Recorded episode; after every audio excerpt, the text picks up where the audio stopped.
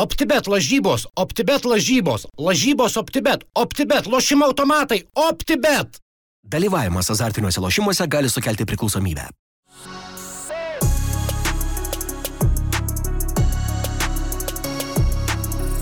Važiuojam antras dublis, pradedam savo naujausią podcastą.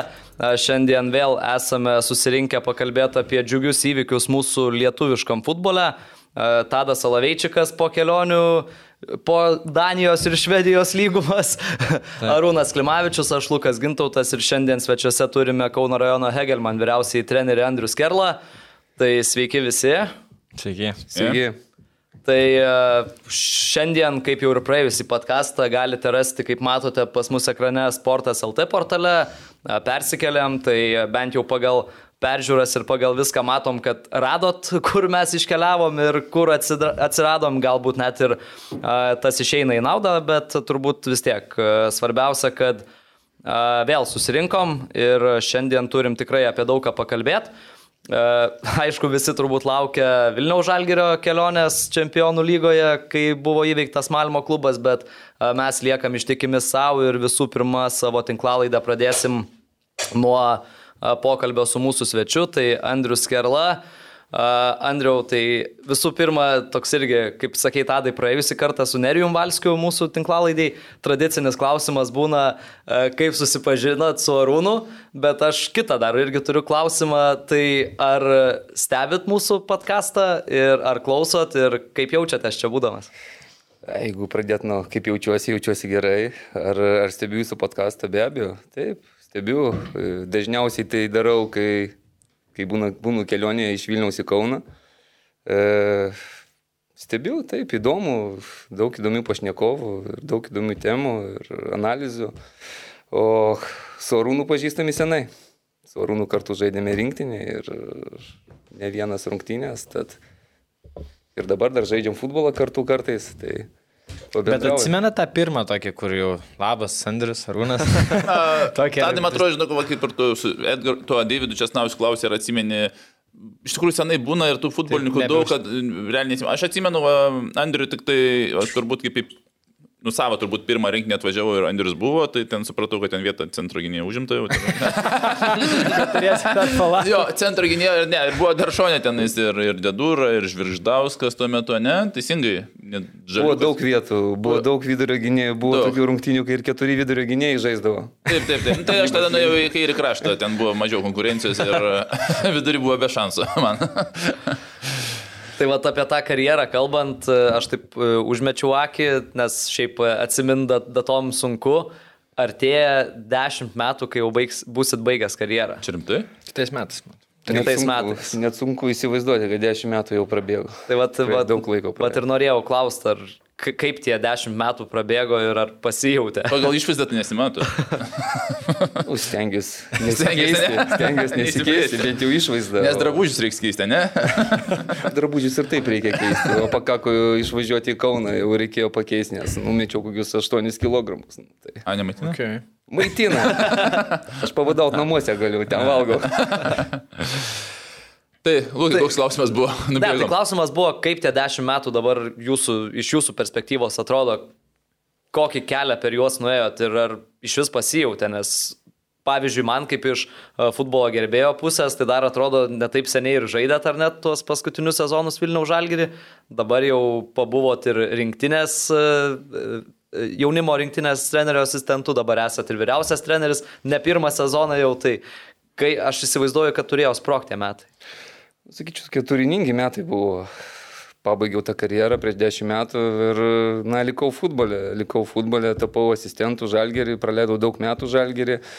Ir palaipsniui, palaipsniui, tai, tai jaunimo rinktinės asistentas, tai nacionalinės rinktinės asistentas, tai dirbau su daugeliu, daugeliu trenerių ir žalgerį. Ir na, atėjo laikas, atėjo laikas išbandyti save ir vyriausio trenerio e, pozicijoje. Tai tas laikas, jisai Jisai praėjo labai greitai, praėjo labai greitai, iš tikrųjų nemažai patirties. E, įgavau būdamas asistentų, na, esu futbolė, tai, tai yra svarbiausia, tai ir norėjau, to ir norėjau, kad e, po, po visos karjeros ir likčiau ten. Ar galim sakyti, kad e, tokia kaip būna dažnai futbolininkas baigia, tokia būna ar tuštuma, ar būna kažkoks periodas, kaip, nu, neranda savęs, tai galim sakyti, kad pas tave Andriu to ir nebuvo realiai. Kažkaip viskas labai taip spontaniškai gavosi paskutiniai metai žalgerį, dar gal, gal ir galėjau likti, gal ir būčiau likęs žaisti, jeigu Šemberas anksčiau biški būtų atėjęs, nes po to jau kalbinėjau, aš jau buvau apsisprendęs, kad viskas reikia baigti, nes, nes užteko. Ir, ir džiaugiuosi, kad baigiau, nes išėjau sveikas, ne kažkoks traumuotas, ne, nesulūžęs. Uh, tie metai sunkus buvo paskutiniai žalgeri, tai nusprendžiau, o iš karto gavau pasiūlymą likti. Tai... Bet tais metais žalgeri tapo čempionais jūs, Triltis. Taip. Po tos dramos taip, įspūdingos taip. gale. Ir Europai buvo keturi metai. Europai buvo, buvo, buvo, buvo geri metai, iš tikrųjų, geri metai. Nelengvi, Europai, bet geri. Nelengvi. Jie, jie galėjo susiklostyti lengviau, aišku, mes ten prisidirbom e, sezono pabaigoje, ten rungtynė su Panevežiu, jeigu atsimena, su ekranu. Uh, turėjom didelę persvarą, kurią mes, mes išvaistėm ir tas sezonas gavosi labai sudėtingas. Ir aš manau, kad tai įtakojo man irgi, nes na, na, pavargau, paprasčiausiai pavargau, pavargau nuo viso to. Kažkaip norėjau, norėjau jau, jau, jau, jau pasibaigti. Bet prieš noro dar čempionų lygoje dar išbėgti atrankoje kitais metais. Ar jau sakėt, tiek to, jau užteko šito? Kažkaip sakau, tie paskutiniai, paskutiniai mėnesiai taip klostėsi, kad jau, jau ir pavargau, ir, ir jau emociškai pavargau, ir galvoju, viskas tampa. užteks, užteks, ten 306-307 metai, galvoju, nu, nu, nesu Mikoliūnas, kuris dar gali žaisti, nežinau kiek metų, žiūriu ir stebiuosi, kaip jisai žaidžia. Mm. Niekad nebuvau toks kažkoks galingas, e, fiziškai stiprus žaidėjas, e, šiek tiek kitoks žaidėjas buvau, bet, bet man užteko, aš prisižaidžiau pakankamai. Ir... Tai sezono metu nusprendė ar po sezono? Po sezono. Po sezono. Po sezono. Bet realiai rūdienį jau supratai, kad greičiausiai. Realiai supratau, kad jau, jau kažkur tai jau, jau reikia, reikia baiginėti. Nors kalbas buvo, dar, dar, dar kalbėjom, kad likti dar vienam sezonui. Čia Šemberas, ne, kvietė? O po to Šemberas kvietė. Šemberas atėjo biški vėliau po naujų metų, aš jau buvau apsisprendęs. jau buvai būtis pakabinės. Bet jau gerai natūraliai ir gavos, tada žalgerį likot. Tai realiai kaip ir nežaidėt, bet visam kolektyvė toliau liko, tai, tai gal nuo tos įtampos šiek tiek atstumėt. Nuo fizinio krūvio gal. Įtampa nedingsta. Nu, bet va taip jo, įdomu, gal irgi taip, nežinau, trenerio įtampa ir žaidėjo įtampa. Nesulyginama turbūt. Nu, visiškai, nu, žaidėjas, jisai, nu ką, jinai, jinai baigėsi tą įtampą, kai tu išeini aikštį iš karto. Nu, o treneris jisai ir prieš, ir po, ir, ir, ir per rungtynės jaučia visą tai. Tai vad bėgot nuo įtampos tos karjerą, baigėt, kad jau atsibodo ir iššokat į dar. Aš sakau, gal daugiau bėgau nuo to fizinio krūvio, nes nu, nu, vis tiek jau, jau kai vyresnis tu, tu po rungtinių jauti, tai jauti kelias dienas ir, ir na, jau tai buvo kažkaip, na, nemalonu. Aš jau nebetas. Jo, jo, būtent, man atrodo, ir turbūt pasijaučia daugiausiai, kad kai būni jaunesnis, tau treniruotės tik sunku. Taip. O kai būni vyresnis, tau treniruotėse sunku ir paskui namie dar sėdi, supranti, kad dar, nu, kaip ir sunku ir namie sėdėti, nesupranti, kad treniravais ryte, nors čia, čia šeštą vakarą tau dar sunku sėdėti ir tokia gaunasi visą savaitę sunkumų. ir tu supranti, kad nu, tu negali praleisti vieną kitą treniruotę, nes nu, po to bus sunkiau. Tu vis tiek turi treniruotis, turi, turi būti tam procese, gal tau nereikia tokio krūvio, Jeigu protingas treneris sudėlioja, jeigu nori naudos gauti iš vyresnio žaidėjo, jisai negali tą patį duoti, duoti kažkur tai ir atsistatyti ir, ir, ir pailsėti, tam, kad ta nauda būtų rungtinių dieną. Tai trumpiau, trumpiau tariant, ateina pirmadienis, o tu dar nepalsėjęs. tu, tu vis dar ilsiesi, dar ilsiesi. Man pavyzdžiui yra labai įdomus tas perėjimas iš futbolininko į trenerį. Ar jau tapdam ateidamas treniruot, ateinat su kažkokia konkrečia savo, grinai savo, ta prasme, idėja, kokį futbolą norėtumėt, kad jūsų komanda žaistų, ar kažką dėliojat iš tų trenerių, su kuriais jums yra tekę dirbti ir paimat vieną kitą dalyką, kaip visą tai susidėlioja? Man buvo lengviau, aš tapau asistentu, asistentas nekuria kažkokių tai žaidimų filosofijų ar dar. Bet vis tiek tapot ir su mintim, kad kažkada tapsit ir vyr treneriu. Ne, tai be abejo, bet e, tai nebuvo iš karto. Aš kaip ir sakau, aš turėjau pakankamai daug metų įvertinti tai, susikurti, ką aš norėčiau, kaip ir matyti aikštį, kaip aš norėčiau ir treniruoti, ir žaisti. Ir tai būtų iš tikrųjų labai sunku, jeigu tu baigiai va žaisti, baigiai žaisti ir kitą dieną tau duoda komandą treniruoti. Man pakako būti asistentų, kad e, išeiti į treniruotę ir va reikia apšilimą pravesti. Ir opo galvoja, kaip tą apšilimą pravesti galvoji, nu, paprasčiausiai bandai atsiminti, ką tu ten darai prie, prie vieno trenerio, kito trenerio.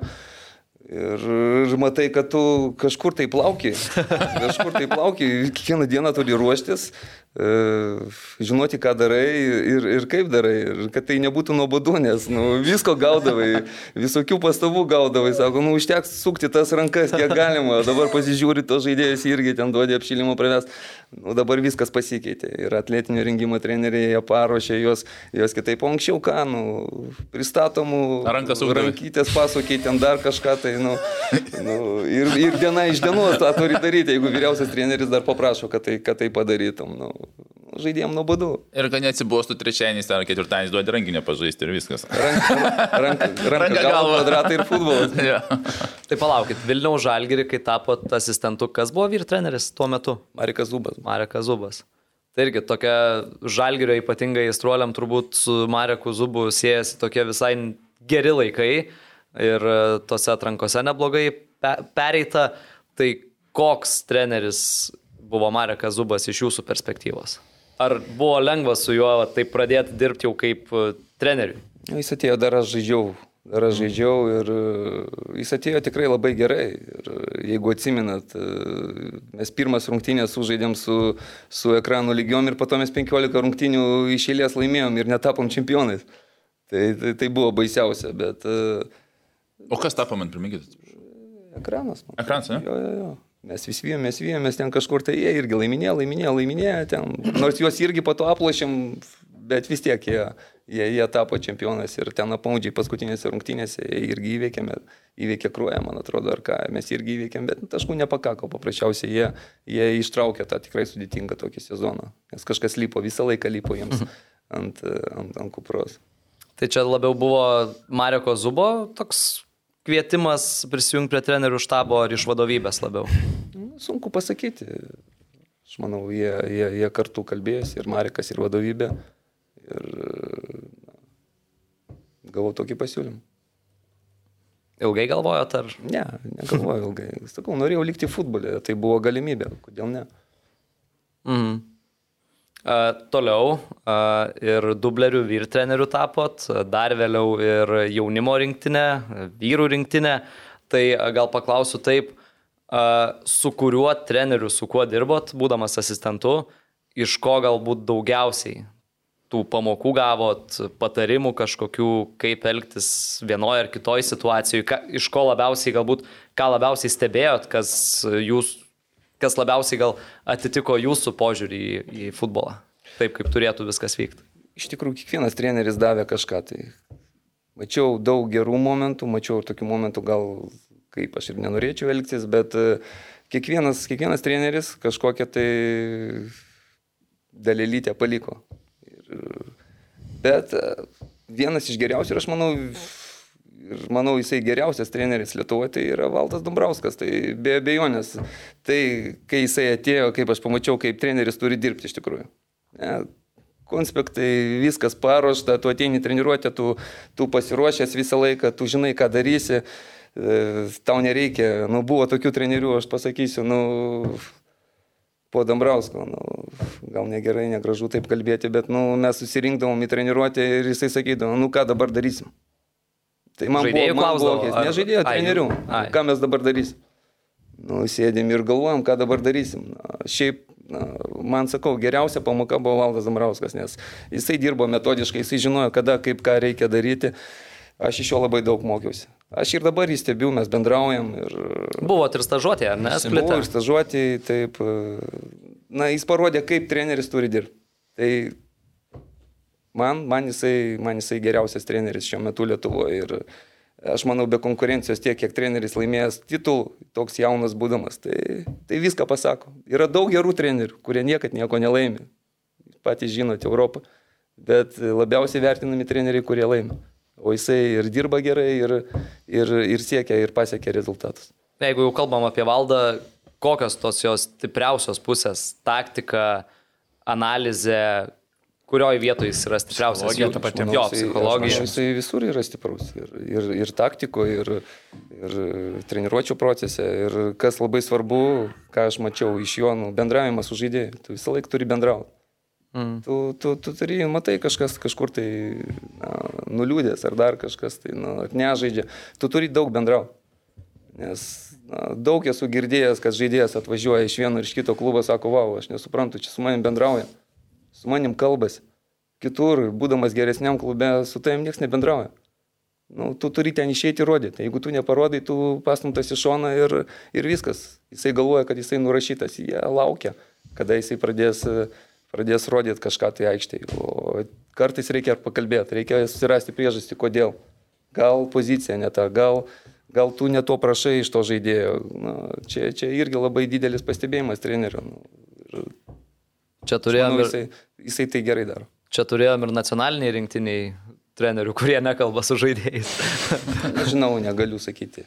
O Andriu, kuris geriausias treneris buvo, kuris kaip futbolininkas buvo, vis tiek trenerių buvo daug ir dažniausiai, kai baigė karjerą, gali sulyginti, kuris geriausias buvo, kai tu žaidži. Iš tikrųjų, savo karjerą turėjau ir Serą Bobą Robsoną, trenerį, turėjau ir Diką advokatą, ir Eriką Geretsą, na tai, tai geri, geri, geri treneriai. Ir, Na, sunku pasiminti, prisiminti dabar, ar mes kažką tai tokio ypatingo darydavom tais laikais. Na, aš kiek atsimenu, ten jokių analizių net nebūdavo. Bet ar dėl vardo jie tau geri, ar, ar, ar taip šiaip patiko uh, nu, va, treniruočio atsinešimas? Bet ar, visi, ar vien dėl to, kad nu, tiesiog išgirsti seras tenais ir, ir nu, žinom, žinom jų, jų pasiekimus, tas pats seras Bobis Robsonas. Na, aš, aš ne vieną kartą jau sakiau, kad jisai atvažiavo į Olandiją, atvažiavo, man atrodo, čia buvo jau antras Antras jo etapas Olandijoje, žmogus treniravęs na, garsiausius klubus Europoje ir jisai kartu patreniruotės sėsdavo su mumis užsieniečiais, eidavo mokintis olandų kalbą. Kartu mes mokindavomės olandų kalbą. Jisai irgi jau metuose žmogus, jau nu, jis sėsdavo, bendraujantis, visą laiką prieidavo, visą laiką paklausdavo, nebuvau aš pagrindinės komandos žaidėjas, bet visą laiką prieidavo, ten pasakydavo, va, buvau rungtynėse, e, dublerių mačiau gerai žaidėjai, taip ir toliau, nu, gausi šansą. Nu, prie jo man ir, ir, ir gavosi tokie, kaip pasakyti, tokios aplinkybės, kad prie jo daugiausiai ir žaidžiau. Bet per tą jūsų laikotarpį Eindhovene visi jie trys ir pasikeitė per tuos porą Taip. metų, ar ne? Tai kas ten e, klubo vadovų labai dideli lūkesčiai ir nepate, nepasitenkinimas, ar, ar kitos priežastys, kodėl jie taip keitėsi dažnai? Nu, kai atėjau, buvo dykas advokatas, jis jau buvo ten ne vieneri metai. Ir būtent po to sezono, pusės metų, na, visa komanda išvažiavo praktiškai ir išvažiavo į topinius klubus. Ten Japas Tamas į Manchester United, ten Zendenas kokių į, į Barcelonas, į Anglijos Premier lygą išvažiavo, nu, pasikeitė praktiškai visa komanda ir, ir Dykas advokatas išvažiavo į Rangerius tuo metu. Tai gal tai gavosi natūraliai. Sakau, susirinko visiškai nauja komanda, ten 13-14 žaidėjų naujų. Ir atėjo, atėjo Bobis Robsonas. Metam atėjo. Mm. Rezultatų gal nepasiekėm, kaip pasakyti, nu, mes užėmėm trečią vietą, patekom į tas playoffus čempionų lygos, bet e, gal toks sustarimas buvo su juo, kad ateina metam ir jie ieškos kito trenerio atėjo Gericas ir jisai užsibuvo ten ir turėjo labai gerą, gerą laikotarpį. Čia minėjot, kad e, advokatas išvažiavo į Rangerius ar ne, vėliau po poros metų ir jūs išvažiavote į Škotiją. Tai čia toks tra tramplinas buvo iš, iš Olandijos tuo metu į Škotiją. Iš tikrųjų, jį sutikau ne tik Škotijoje, jį sutikau ir kai teko žaisti Rusijoje. Tuo metu jisai Sankt Peterburgo Zenitą treniravo, tai irgi susitikom su juo Tomske po rungtinių, tai nu, kažkiek atsimenu aišku, nes Škotijoje irgi daug metų jisai buvo, mes vis pastoviai žaisdavom su Rangeriais, tai matydavomės. Mhm. Uh, kalbėjom apie tą, tą rinktinę ar ne, tai teko pabūti rinktinių asistentų, tai dabar jau irgi galit palyginti trenerio darbas, trenerio asistento darbas klube ir rinktiniai.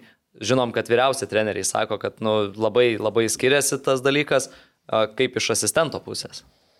Nu, asistentų gal nėra taip blogai būti rinktinės treneris, nu, treneriu, nes na, tu irgi pamatai tą virtuvę, pamatai tą virtuvę, gali įsivertinti, e, kaip ten kas, patirties tos turiu ir, ir jaunimo rinktinė, būdamas asistentų, bet na, Valdas Dambrauskas teisingai pasakė, jaunam treneriui ten, nu, aš nežinau, be, tai, be kažkokio tai pasitikėjimo, jeigu tu ten ateini penkiem metam su kažkokia tai iškia vizija tai ir pasitikėjimu, Tai gal, gal ir neblogas variantas, bet nu, jaunas treneris jisai turi mokintis, jisai turi mokintis, kaip ir Valdas Dambrauskas sakė, tu kiekvieną dieną komandai tu bendrauji, tu treniruoji, tu matai, tu gali pataisyti rinktiniai, tu nepataisysi. Rinktiniai tu turi vat, būtent tą dieną rasti optimalią sudėtį. Ir, ir tavo darbas daugiau oficinis, tu daugiau stebi rungtynės, tu važinėjai, stebi, žiūri, kažkiek tai bendrauji su žaidėjais. Nu, tai labai sudėtingas darbas ir aš manau, kad tai turi būti patyręs treneris. Patyręs, kuris na, jau turi tą jausmą, kažkokią tai išvalgą. Ir... Šiaip, pagri... Šiaip pagrindinė, man atrodo, rinktinės asistentų, bet kurios rinktinės funkcija trenerių yra nenervuoti futbolininkų. asistentas tai tikrai nenervuoja. Ne, tai asistentų, jo, taip, asistentų pagrindinė funkcija nenervuoti futbolininkų, tai geriausias. Teisingai, reikia, teisingai, Andriu. Gerą nuotaiką palaikyti, jo. Palauk, aš čia per tris dienas galiu. Spalvis sakė, kad tre, apskritai trenerių štabas rinktinės turi tiesiog leisti, kad būtų geras vaibas. Ne, ne. Bet taip visą laiką ir buvo. Dar tais laikais, kai mes žaisdavom, nu, nu ten kažko tai ypatingo ne, nepritreniruosi. Ten atvažiuoja žaidėjas, atvažiuoja, tu bendrauji, senai vienas kito nematė, nu, turi gerą aurą sukurti, turi gerą aurą sukurti ir, ir na, tai turi matytis po to rungtynės. Taip, Jeigu viskas gerai komandoje, o ten dažniausiai šiaip gerai visą laiką būna, nu, nežinau kaip iki šio, šio karto buvo, bet tai, tai veždavo. Tai jeigu jau kalbam apie tą rinktinę, dabar vis tiek, sakykime, toks ir reitingas ar nerodo, kad situacija tokia gan prastoka, kalbant apie rinktinę. Kaip jūs dabar žiūrite visą tą pasirodymą, apie tuos rezultatus, tą rinktinės jauninimą, apie ką čia buvo labai daug kalbama pastaraisiais metais. Koks jūsų žvilgsnis į visą Nežinau, rinktinės man, paveikslą? Mano žvilgsnis, mano žvilgsnis yra toks, nu, negalima taip daryti, jauninti. Nu, ar mes turim tokių žaidėjų? Taip, epizodiškai ten gali įvesti vieną, kitą, trečią, nu, bet nu, jeigu, jeigu rinktiniai žaidžia žaidėjas, kuris net nežaidžia vyrų futbolą, nu, tai atsiprašau, nu, apie ką mes kalbam, yra, yra, yra žingsneliai. Yra U19, yra U21, yra nacionalinė rinktinė, tai duo galimybę jam sužaisti U21. Ir jeigu matysi, kad jisai ten rodo kažkokią tai rezultatą, kažkokią tai, e, kaip pasakyti, na, žaidimą, taip, tada žaidėjas turi sulaukti kvietimo. Gal ir kartais yra avansų, tai normalus dalykas, kad avansų gaunitų. E, pasirodęs tam tikrą etapą gerai žaisdamas nu, avansų į nacionalinę rinktinę. Tai normalu, bet kad papulti į nacionalinę rinktinę žaisdamas vaikų futbolą, tai yra kažkas nesuprantama man. Kaip turi jaustis kitas žaidėjas, kaip turi jaustis kitas žaidėjas, kuris tuo metu rodo, rodo rezultatą, žaidžia gerai ir, ir jo tenai net nėra. Tai va aš prie ko norėjau pritemti, pernai treniravot Naurį Petkevičių. Jis jau vyrų futbole A lygoje mušė įvarčius, e, daug žaidė, nu ir tikrai geras sezonas, bet to šanso rinktiniai nesulaukė. Tai kaip jūs būdamas kaip e, Naurio treneris klube žiūrėjote tą situaciją, nes apie tai kalbėjom ir mes, ir visa žiniasklaida. Kiek, ta prasme, labai daug. Kaip, kaip nu, su pačiu Nauriu bendraujant, vat, kaip visiems ir jį reikia išlaikyti motivuotą ir, ir, ir kad nenuleistų galvos. Tai be abejo bendravom, bendravom nemažai ir gal vienam, vienam ir kitam pokalbį būdavo taip, kad nu, turėdavai nuraminti ir pasakyti, tu važiuoji jaunimo rinkinį, bet tu ten žaisi. O ten kažkokios rimtesnės rungtynės, taip, nacionaliniai rinktiniai, nu, kokiu tų galimybių žaisti, nu, aš manau, neturėjai pagrindę galimybių žaisti. Taip, galbūt tu išleidai, o gal ne. Bet e, iš esmės, jeigu žaidėjas žaidžia nu, pilna verti, pilną sezoną A lygų ir jisai muša 16 įvarčių, už jį mušė tik tai kas, vienas žaidėjas daugiau. Ir tai žaidėjas iš Žalgerio, kur nu Žalgerį, tai aš manau, tai yra natūralu, nes na, geresnė komanda Žalgeris. Priva, priva, reikia, privalo. Reikia, reikia pripažinti ir aš tą pripažįstu, bet jisai atėjo į komandą, kuri pirmus metus žaidė lygoje, jisai įmušė 16 įvarčių, tai yra daug. Tai tikrai yra daug kaip pirmam, pirmam sezonui. Čia fantastinis rezultatas. Aš, aš manau, mes paprasčiausiai nevertinam. Ne, mes paprasčiausiai nevertinam, tai, tai reiškia, žaidėjas kažką tai turi. Ir aš manau, kad jisai yra vienas na, talentingiausių žaidėjų, bet jam irgi reikia rasti vietą. Reikia rasti vietą. Tai man, man, man, man irgi apmaudu. Man apmaudu, kad jisai gal negavo pakvietimo, gal kokį vieną kitą kartą galėjo mm. gauti. Bet na, atsitiko taip, kaip yra. Paprasčiausiai, aš sakau, nu, čia, čia trenerių darbas, čia trenerių darbas pamatyti, išvelgti, gal jisai netiko taktiniam kažkokiam tai sumanimam. Na, Valdas Ivanauskas e, kalbėjo, visi tuo metu Nauri skaitė kaip polėje, nes jis ir žaidė pas jūs polėjų. E, Valdas Ivanauskas tada atkirzdamas žurnalistams sakė, kad aš jo kaip polėjo nematau, jis man labiau krašto žaidėjas. E, kaip jūs vertinat? Aš nesakysiu, ne, negaliu pasakyti, kad jisai yra tikras polėjas. Pas jį nebuvo tokių užduočių, kad jisai būtų tikras polėjas. Aš iš vis e, neturiu tokių nusistatymų. Polėjas, gynėjas, tu ar saugas. Net kai tu žaidži polėjų, pas mane jokių problemų nėra, jeigu tu atšoks. Jisai mėgdavo atšokti. Bet kai yra skersas perdavimas į būdos aikštelę, tu turi ten būti. Jeigu tu ten nebūsi, tai reiškia, tu, tu nevykdai to, ko aš prašau. Ir jisai nebuvo tas toksai žaidėjas, kuris žaisdavo ant smaigalio. Tai būdavo gal vienas kitos rungtynės, ten, kad daugiau liepdavau tenai būti, bet jisai žaidė ir sauguose, jisai žaidė visose pozicijose atakuojančias. Ir mano kaip trenerių darbas, tie atakuojantys žaidėjai, jie neturi būti pririšti prie vienos pozicijos. Jie turi žaisti, e, jeigu mes žaidžiam 4-2-3-1, tai bet kurioje atakuojančiai pozicijai, ne, iš tų trijų, ar 10, ar 7, ar 11, ar polės, jūs galite rotuotis, jūs galite žaisti, bet jūs turite žinoti, kaip ten žaisti. Ir aš manau, jis, jisai tai neblogai darė. O jeigu dar apie Naurį, visiems, kiek iš šio interviu klausiau, kad jis tokį ir su Andriu Beličiu turėjo ryšį, ir su jumis bendrai toks geras mikroklimatas, tai prieš pasirašant e, kontraktą, ar kalbėjo su jums, konsultavos, nes turi, turi, turėjo tikrai ne vieną pasiūlymą, kur geriau, ar čia verta, ar gal palauk dar neskubėt. Tai ar buvo šansas, kad liktų dar, dar, vieną, dar vieną sezoną Kaune? O aš, aš taip pasakysiu, Taip, jisai, jisai, jisai kalbėjo, bet jisai jau buvo nusistatęs, kad jisai nori išvažiuoti. Ir aš manau, kad tai yra didžiausia jaunų žaidėjų klaida. Nes tu sužaidži vieną gerą sezoną ir tu nori išvažiuoti. Nu, tu neišvažiuoji ten už kosminius pinigus, taip išvažiavai į gerą klubą. Gerą klubą, kur gali tobulė.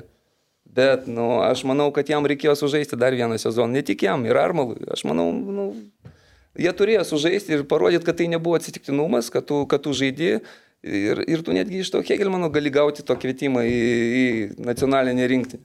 Aš taip manau, o tie pinigai jie ateis pas juos, jie jauni, jie, jie daugiau įgautų tos patirties. Nu dabar matome, kas su jais atsitiko. Nu man gaila, man jų paprasčiausiai gaila. Mhm. Kiekvieną kartą Flash korėsi draugai lošia Šerlio ir labai liūdna, kai praeinu, nėra net, net, net substitutes ir prie traumų irgi nepaminėtas. Tai nu, tikrai kažkaip Atrodo, nu, reikia išvažiuoja, suprasti, kad tu išvažiuoji tenai, tu turi jau žaisti, jau tu turi sugebėti konkuruoti su tais žaidėjais. Nu, čia loterija. Vėliau situacija dabar irgi dar be klubo kol kas, ar ne? Mm, irgi negirdėjau jo kažkada anksčiau teko bendrauti. Buvo ten visokių dabar... kalbų, kad gali Graikijos aukščiausia, kad gali į Lenkiją, bet dar kol kas liktai laisvas. Nu, irgi labai apmaudu. Aš manau, jisai, jeigu būtų likęs, jisai būtų žaidęs. Jisai būtų žaidęs ir aš manau, gal būtų gerai žaidęs. Ir na, tos galimybės būtų atsiradusios. Tuo labiau, kad dabar iš Lietuvos klubų nu, tikrai tu gali patekti į, į nacionalinę rinkinį. Na, anksčiau taip. būdavo, Nėra taip, taip anksčiau seniau, būdavo, kaip ne, jeigu tu žaidži Lietuvoje, jokių šansų. Nu. Tikrai taip. O dabar tu į rinkinį ir, ir, ir, ir tas pliusas yra, šiaip kaip be būtų nedidelis, bet yra futbolininkui, kad tu kviečiamas į rinkinį. Nu, nesame mes toks klubas, kuris nepaleistų žaidėjų. Nu, jeigu atsiras, atsiras klubas, kuris... Nu, Pavyzdžiui, vasarą, taip? Nu taip, kad ir vasarą, nu, jokių problemų nėra. Jokių, nu išvažiuosi, nu, nu niekas nelaikys. Bet tu žaisi, tu gausi praktiką, tu, tu būsi geram treniruočio procese. Ko žaidėjų reikia, visą laiką sakydavau, tu, tu turi treniruotis visą, visą savaitę tam, kad savaitgalį žaisti. Jeigu tu savaitgalį negauni žaisti, tu nelaimingas. Kartais reikia gal nusileis laiptelių žemyn, tam, kad tą, tą jausmą patirti ir eiti kilti kilt į viršų. O kaip manot, gal, va, tarkim, tiek, va, abu minėti žaidėjai, gal kitai būtų žiūrėję situaciją, jeigu pernai būtumėte šokį į Europos traukinį? Sunku, sunku ką pasakyti. Na, aš manau, kad jie visi turi svajonės išvažiuoti į užsienį. Jie buvo tenai, abu buvo. Vienas Benfikui buvo, kitas buvo E, Prancūzijoje, taip, Lilija. nu, Lilija, taip, nu, jie nori ten grįžti, paprasčiausiai jie gal mato ten daugiau perspektyvų. Taip, mes gal nesame e, tokia patraukli lyga, A lyga, bet na, tikrai mes, mes turime gerų rungtinių. Ir yra ką įrodyti, ir, būnant jaunam. Ir, ir, ir tikrai jaunam žaidėjai tai nėra blogai. Taip, taip. Aš manau, kad nu, visiems, jeigu tu turi vietą Europoje žaisti atrankoje, tai jauniems žaidėjams turėtų tikrai faktorius parodyti save ten ir gal tų pasiūlymų lauk daugiau ir rinktis iš daugiau, o ne iš tiesiog kelių, nes nori išvažiuoti kažkur jau. Nes toks, ką suprantu iš jūsų, kad tiesiog kartais perskuba kai kurie manau, su tais sprendimais, manau, net nesirinkdami iš geriausių pasiūlymų. Taip, suprasčiau. Kad... Daug pasiūlymų jie neturi. Sakykime taip, nu, neturi daug pasiūlymų. Jeigu kažkur tai atsirado, e, aš tai pasakysiu, aš manau, už dyką daug ką paimtų. Už dyką. Už juos nenori niekas mokėti pinigų. Tai va čia du tokie atvejai, už juos nereikia nieko mokėti. Taip, gal training, training compensation ten yra už, už, už, už naurį, e, bet, e, sakau, nu, už dyką visi paimtų. Nu, paimtų, nu, ant rotacijos gal išaus. Jeigu ne, neišaus, paskolinsim ten. Nu, jiems nemoka tenai labai didelių pinigų. Už tokius pinigus niekas anksčiau nevažiuodavo. Čia tas pats, kas Lietuvos klubai, ar ne, įima ten, tarkim, jaunus afrikiečius kurie irgi nieko nekainuoja, ten irgi kartais gali būti koksai nors, va, kaip sakė Andrius, training compensation. Tai tie rim, rim, rim, jo, rimtesni užsienio klubai, ir... taip pat lietuvius tuos, ar ne mūsų taip. jaunus. Tai čia aš pridėsiu dar ir Ginauriui, ir, ir Vilius, kad nu, pagrindinis faktas, dėl ko jie išvažiuoja, dėl to, kad tas bendras alygos, sakykime, anksčiau, nu, dabar aš pripažįstu, kad ten yra pakankamai tokia, kokią turim, yra pakankamai normali lyga. Bet galbūt tas, va, tas bendras įvaizdis iš anksčiau, kad iš lygos ten sunku išvažiuoti ir jeigu pirmas šansas pasitaiko, jau reikia važiuoti, toksai yra. Ir čia aš sakyčiau, kaip ir Andris minėjo, man atrodo, reikia laiko, kad suprasti, kad, nu, galbūt ant pirmo nereikia važiuoti. Aišku, tu visą laiką galvoji, kad man ta situacija bus gera ir čia aš būsiu tas, kuris teisingai nusprendė. Čia yra faktas, kad tu galvoji visą laiką, kad esi, nu, kaip sakyti, protingesnis už kitus. ir galbūt aš nebūsiu tas, kur, nu, sakykime, kur sėdės Bet pagrindinis tas yra visgi tas lygos, sakykime, iš anksčiau toksai, kad čia yra labai labai jau silpna galbūt, nors ir kaip reitingas rodo nėra tokia silpna ir, ir, ir reikia laiko, reikia tų tokių, va, galbūt kaip čia, ne pačių sėkmingiausių patirčių, kad futbolininkai suprastų, kad, kaip va, patiko, kad aš irgi neskaitau futbolininko vienas sezonas geras, man, man reikia kelių sezonų išėlės, kad būtų, aš užskaityčiau, kad futbolininkas yra geras, nes vieną išaučią sezoną, ypač polėjų, yra nėra taip sudėtinga, kaip aš sakau. Primušti ten vedančių komandų 10 įvarčių, nu, čia nėra pati didžiausia užduotis, aš nelaikau čia kažkokią labai stiprią, stiprią motivaciją ar kad įvertinti tą žaidėją, bet va, kelius sezonus išėlės mušti įvarčius, ar ten žaisti pagrindę, konkuruoti su legionieriais, kurie atvažiuoja juos nukonkuruoti. Tai jau, jau yra toksai, kaip sakyt, tas, kaip čia stabilumas, um, meistriškumo įrodymas, teisingai, tokia yra kaip patarlė. Tai va, uh, tas vienas sezonas, va kaip Andrius čia tikrai labai teisingai pakalbėjo. Ypatingai, kaip nekartą minėjot, kad ten išvažiavus konkurencija milžiniška ir ten... Tam rotacija lengva. didelė, aš įsivaizduoju dabar ten vėl kokių dešimt naujų žaidėjų. Nu, tave jau matė ten pusę metų, nedavė dar kažkokį tai šansą pasiruošime. Vėl atvažiavo. Ir pamatė, kad, nu, Vasarą. tas, ta, kurį paėmiau, jisai neprastesnis, jisai gal netgi belgas, gal ten vietinis kažkoks, nu, ir duos, duos, duos savam žais. Tada jau prasidėjo, kad turi psichologiškai būti stiprus tai, ir dirbti sėdėdamas ten, tai, negaudamas žaisti, tik treniruodamas, tai, tai čia bet kokiam žaidėjui sunku. Bet kuriam. Svetimoje šalyje, dar jeigu ten daugia šeima ne vietoje, dar kažkas, tai jau tada kiti reikalai prasideda. Kur irgi, manau, ir kažkas net minėjo, kad dažnai mūsų jaunieji, kurie akademijas išvažiuoja kitų klubų, jauni dar 17-16 metų, kad ant to labiausiai ir sulūšta, kad tėvų nėra šalia, konkurencija milžiniška, lygis kitas, greitis kitas, tik nepatempi žiektų į šoną pastumtas ir jau tiesiog sulūšta psichologiškai išvažiavę ten. Tai kažkaip su to skubėjimu, gal jo, geriau atlošti ir, ir, ir stabiliai įrodyti, kad esi geras ir tada važiuotų, ne? Bet čia mes taip galvom, treneriai, čia mes galvojame, mes, mes irgi gal kažkiek tai savanaudžiai norime būti, nu, nenorime gerą žaidėją prarasti, bet iš kitos pusės taip yra. Nu, aš ir kaip fanas panašiai galvoju, kad kartais nu, nereikia skubėti tiesiog. Jeigu, kaip jūs sakot, pinigai dar nėra nu, tokie, tikrai, kur būtų, kad, nu, atverta čia Tai ten tiek, o čia X4. Jeigu tai yra kažkoks saliginai didesni Tikrai, pinigai. Ar žinai už ką? Tai, tai jo, kitas dalykas, tu čia visą turi aplinką. Šeima, draugai, viskas, tu žinai, ką gausi, tu žinai, kad žaisi, tai kam rizikuoti dėl, dėl kažkokios svajonės, kuri klausimas. Ir niekada nereikia galvoti, kad tau nepasiseks kitą sezoną. Pas mus irgi taip, nu, primušiau 16 įvarčių, gal aš kitą sezoną neįmušiu, gal manęs niekas nenorės. Kodėl ne? Jeigu tu čia sugebėjai šitą sezoną, gal kitą sezoną irgi sugebėsi. Gal 20. Kodėl ne? O gal, gal bus dar geriau? Gal bus geriau. Rinkinį penki. Nu jo, ta bejonė turbūt irgi viena iš priežasčių, kur, o jeigu jau kitą grybausi, nu tai jeigu tu čia grybausi, galvoju, kad grybausi nu, kitą, nu, tai tenais nuvažiavęs tol. Aš manau, kad daug kas taip galvoja. Po gero sezono galvoja, aš turėjau gerą sezoną, dabar va čia manim domisi, aš gal kitą sezoną va traumą gausiu ar dar kažką neišvažiuosiu niekur. Nu, trauma, aišku, niekas Nu, traumos, toks e, likščioji sporto dalis, bet tas pats mąstymas, kad turėtų turbūt požiūris keistis į tai, kad e, čia buvo geras, kitas bus dar geresnis. Tikrai taip. Bet, bet čia, o kiti jo, kaip sakot, prisibijo turėti prastesnį sezoną po metų ir prarasti vertę. Bet, bet tai kažką reiškia irgi parodytų, jeigu tu ne, ne antrą sezoną nesužaidai stabiliai, tai kažkokia, gal nedadirbai, nedastiniravai, kažko taip. trūko, tai juo labiau toj pačioj komandai pas tą patį trenerį. Lažybos, lažybos, lažybos, OptiBet. Dalyvavimas azartiniuose lošimuose gali sukelti priklausomybę. A, Pereikim dar prie kitos temos. Jau tas žingsnis į vyr trenerio postą. A, Kauno rajono Hegelman treneriu tapot, klubas, kuris žaidė debutinį sezoną tada, a, prie, prieš debutinį sezoną OptiBeta lygoje. Tai kaip visa tai prasidėjo?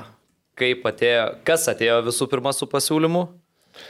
Ir a, ar jau tas jūsų žingsnis pasirašyti šitam buvo toks užtikrintas, jau nekėlė jokių abejonių, ar jau pasiruošęs, ar, ar tai yra laikas jau tą daryti? Į Facebooką parašė Hegelmanui ir paskambino. Ne, ne, buvo sutikimai, buvo pora sutikimų ir tai gal, nenoriu meluoti, ar lapkričio pabaiga buvo, ar gruodžio pabaiga, jie atvažiavo su, su, su tą mintim, ar paklausti, ar nenorėčiau ir papasakojo klubo viziją, kas per klubas, kaip kas, ką jie galvoja daryti. Ir nu, aš tuo metu jau norėjau, aš jau norėjau ir galvojau, kad na, užteks, nu, per daug to laisvo laiko buvo tai rinktinį. Nu, nesakyčiau to laisvo laiko, bet nu, procesas, procesas ten šeši kartai per savaitę. Per metus. Per metus. Per metus nu, nu, tu nori būti aikštėje, tu nori būti aikštėje ir, ir, ir matyti kažkokį tai tobulėjimą ir savęs, ir komandos.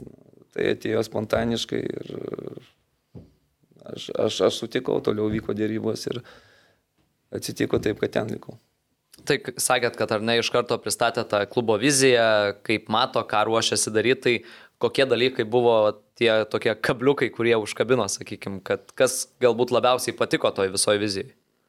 Tai jaunas klubas, be abejo, nes jaunas klubas. e, Ir mane, sakau, užkabino tai, kad ten nebuvo, na, Hegelman įmonė yra labai didelė. Labai didelė. Ir generuoja didelius pinigus. Bet jie nėra tie, kurie mes ten milijonais. Jie nori, kad visa tai vyktų žingsnis po žingsnio. Tas e, nebuvo kažkokio tai spaudimo, kad mes va dabar va išeinam su pinigais, taip, va, tu turi Europoje būti. Šiais metais tai yra, taip, mes turim, mes turim tikslą, mes norim tenai būti. Bet e, praeitais metais viskas klostėsi žingsnis po žingsnį. Ir, na, na tai užkabino, ne, ne tik tai užkabino, aišku, buvo daug abejonių, irgi nežinojai, nu kas ten bus, kaip susirinksi tą komandą, ar jinai bus konkurencinga, reikėjo tą viską pajausti ir, ir sakyčiau, po truputį, po truputį tapome konkurencingi. Nu, dėl konkurencingumo gal praeitį metai dar buvo gerai, kad iš pirmos lygos keturios komandos iš karto atėjo, kurios, nu, sakykime, panašaus lygio visos. Tai nebuvo tokia, kad vieni, vienas Egelmanas atėjo į lygą ir jums pasiūlė. Tas būtų gal šiek tiek baisiau, bet čia ir, ir, ir džiugas persikėlė, ir, ir, ir kas kėdainiai dar. Na, be abejo. Tai gal tokia biškė- be abejo, kad tu žinai, kad su tom komandom tikrai gali konkuruoti ir, ir turi konkuruoti. Bet, Bet kaip sezon- parodė praeitą sezoną, mes kad su konkuravom visais. su visais. Ir, Šiaip apskritai šitie paskutiniai du metai aptibeta lygoje įtampos ir lygio prasme tai super. Žiūrėti rungtynės, kai tu ne, nežinai, kas ką gali veikti. Nu, tik Jonava šiemet, aišku, iš, iš konteksto. na, bet visą šiaip- laiką, bet kuriam čempionate pažiūrėkit, visą Viena, laiką būna jo. viena komanda, Taip, kokia, tai čia- kuri na, neįsipaišo. Bet net dabar žiūrint 9, 8, 7 vietos, e, džiugas banga, kaip žaidžia su viršutinės lentelės komandom, nėra lengvi pasivaikščiojimai. Tai Tikrai taip, Iš tos pusės labai smagu žiūrėti. Tas pirmas sezonas, tai tapus vyriausiųjų trenerių, kokie didžiausi iššūkiai buvo? Kas galbūt buvo tokio, ko gal net nesitikėjot, kad kaip trenerių reikės daryti? Na, iššūkis, na, vis tiek viskas, viskas, viskas eina po truputį. Taip, na, krito labai didelis darbas ant manęs, nes na, viską praktiškai turėjau daryti. Na, ir analizės, ir savo komandos, ir varžovo komandos, ir stebėjimas. Šiais metais biškai jau kitaip, jau, yra, jau susidėliojame, yra asistentai daugiau padeda, bet praeitį metai buvo nu, labai sunkus. Labai sunkus.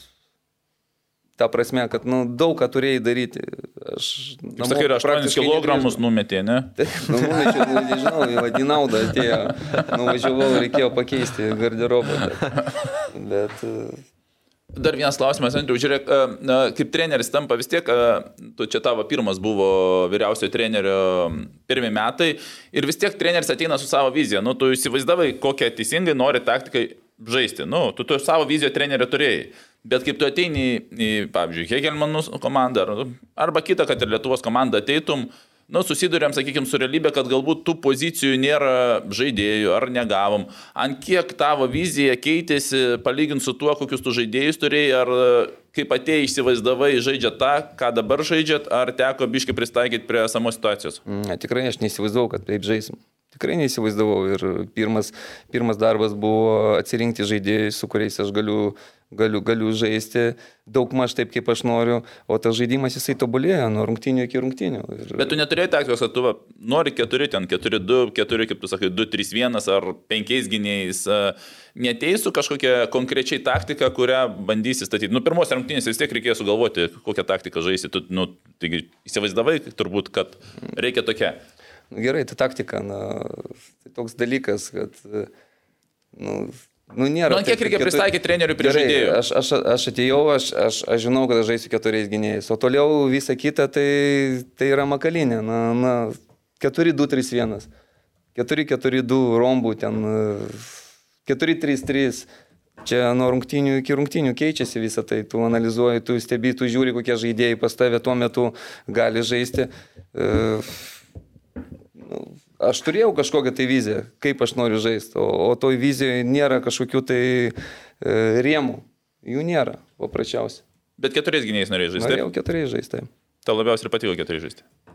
Man, pat, man patiktų ir penkiais. Man patiktų ir penkiais, jeigu aš turėčiau tokius, tokius žaidėjus, tokio profilio žaidėjus. Ir gali būti, kad ir kitais metais pasikeisiu ir gal ir žaisiu. Mhm. O pačiam karjeros metu kokio, kokioj gynėjų linijoje dažniausiai teko žaisti, tarkim, taip per visą karjerą perbėgus, tarp keturių, keturių ar tarp penkių? Keturių ir penkių. Bandau atsiminti, ar, ar penkiais gynėjais yra tekę žaisti. Net. Sunku prisiminti, man atrodo, gal nėra tekę. Anksčiau penkių mm. gynėjų taktikos ir nebuvo. Būda viskas, aišku, 4-4-2. Paskui ten vienas dešimtas atsirasdavo, nusileisdavo. Niekas nežinojo tokių.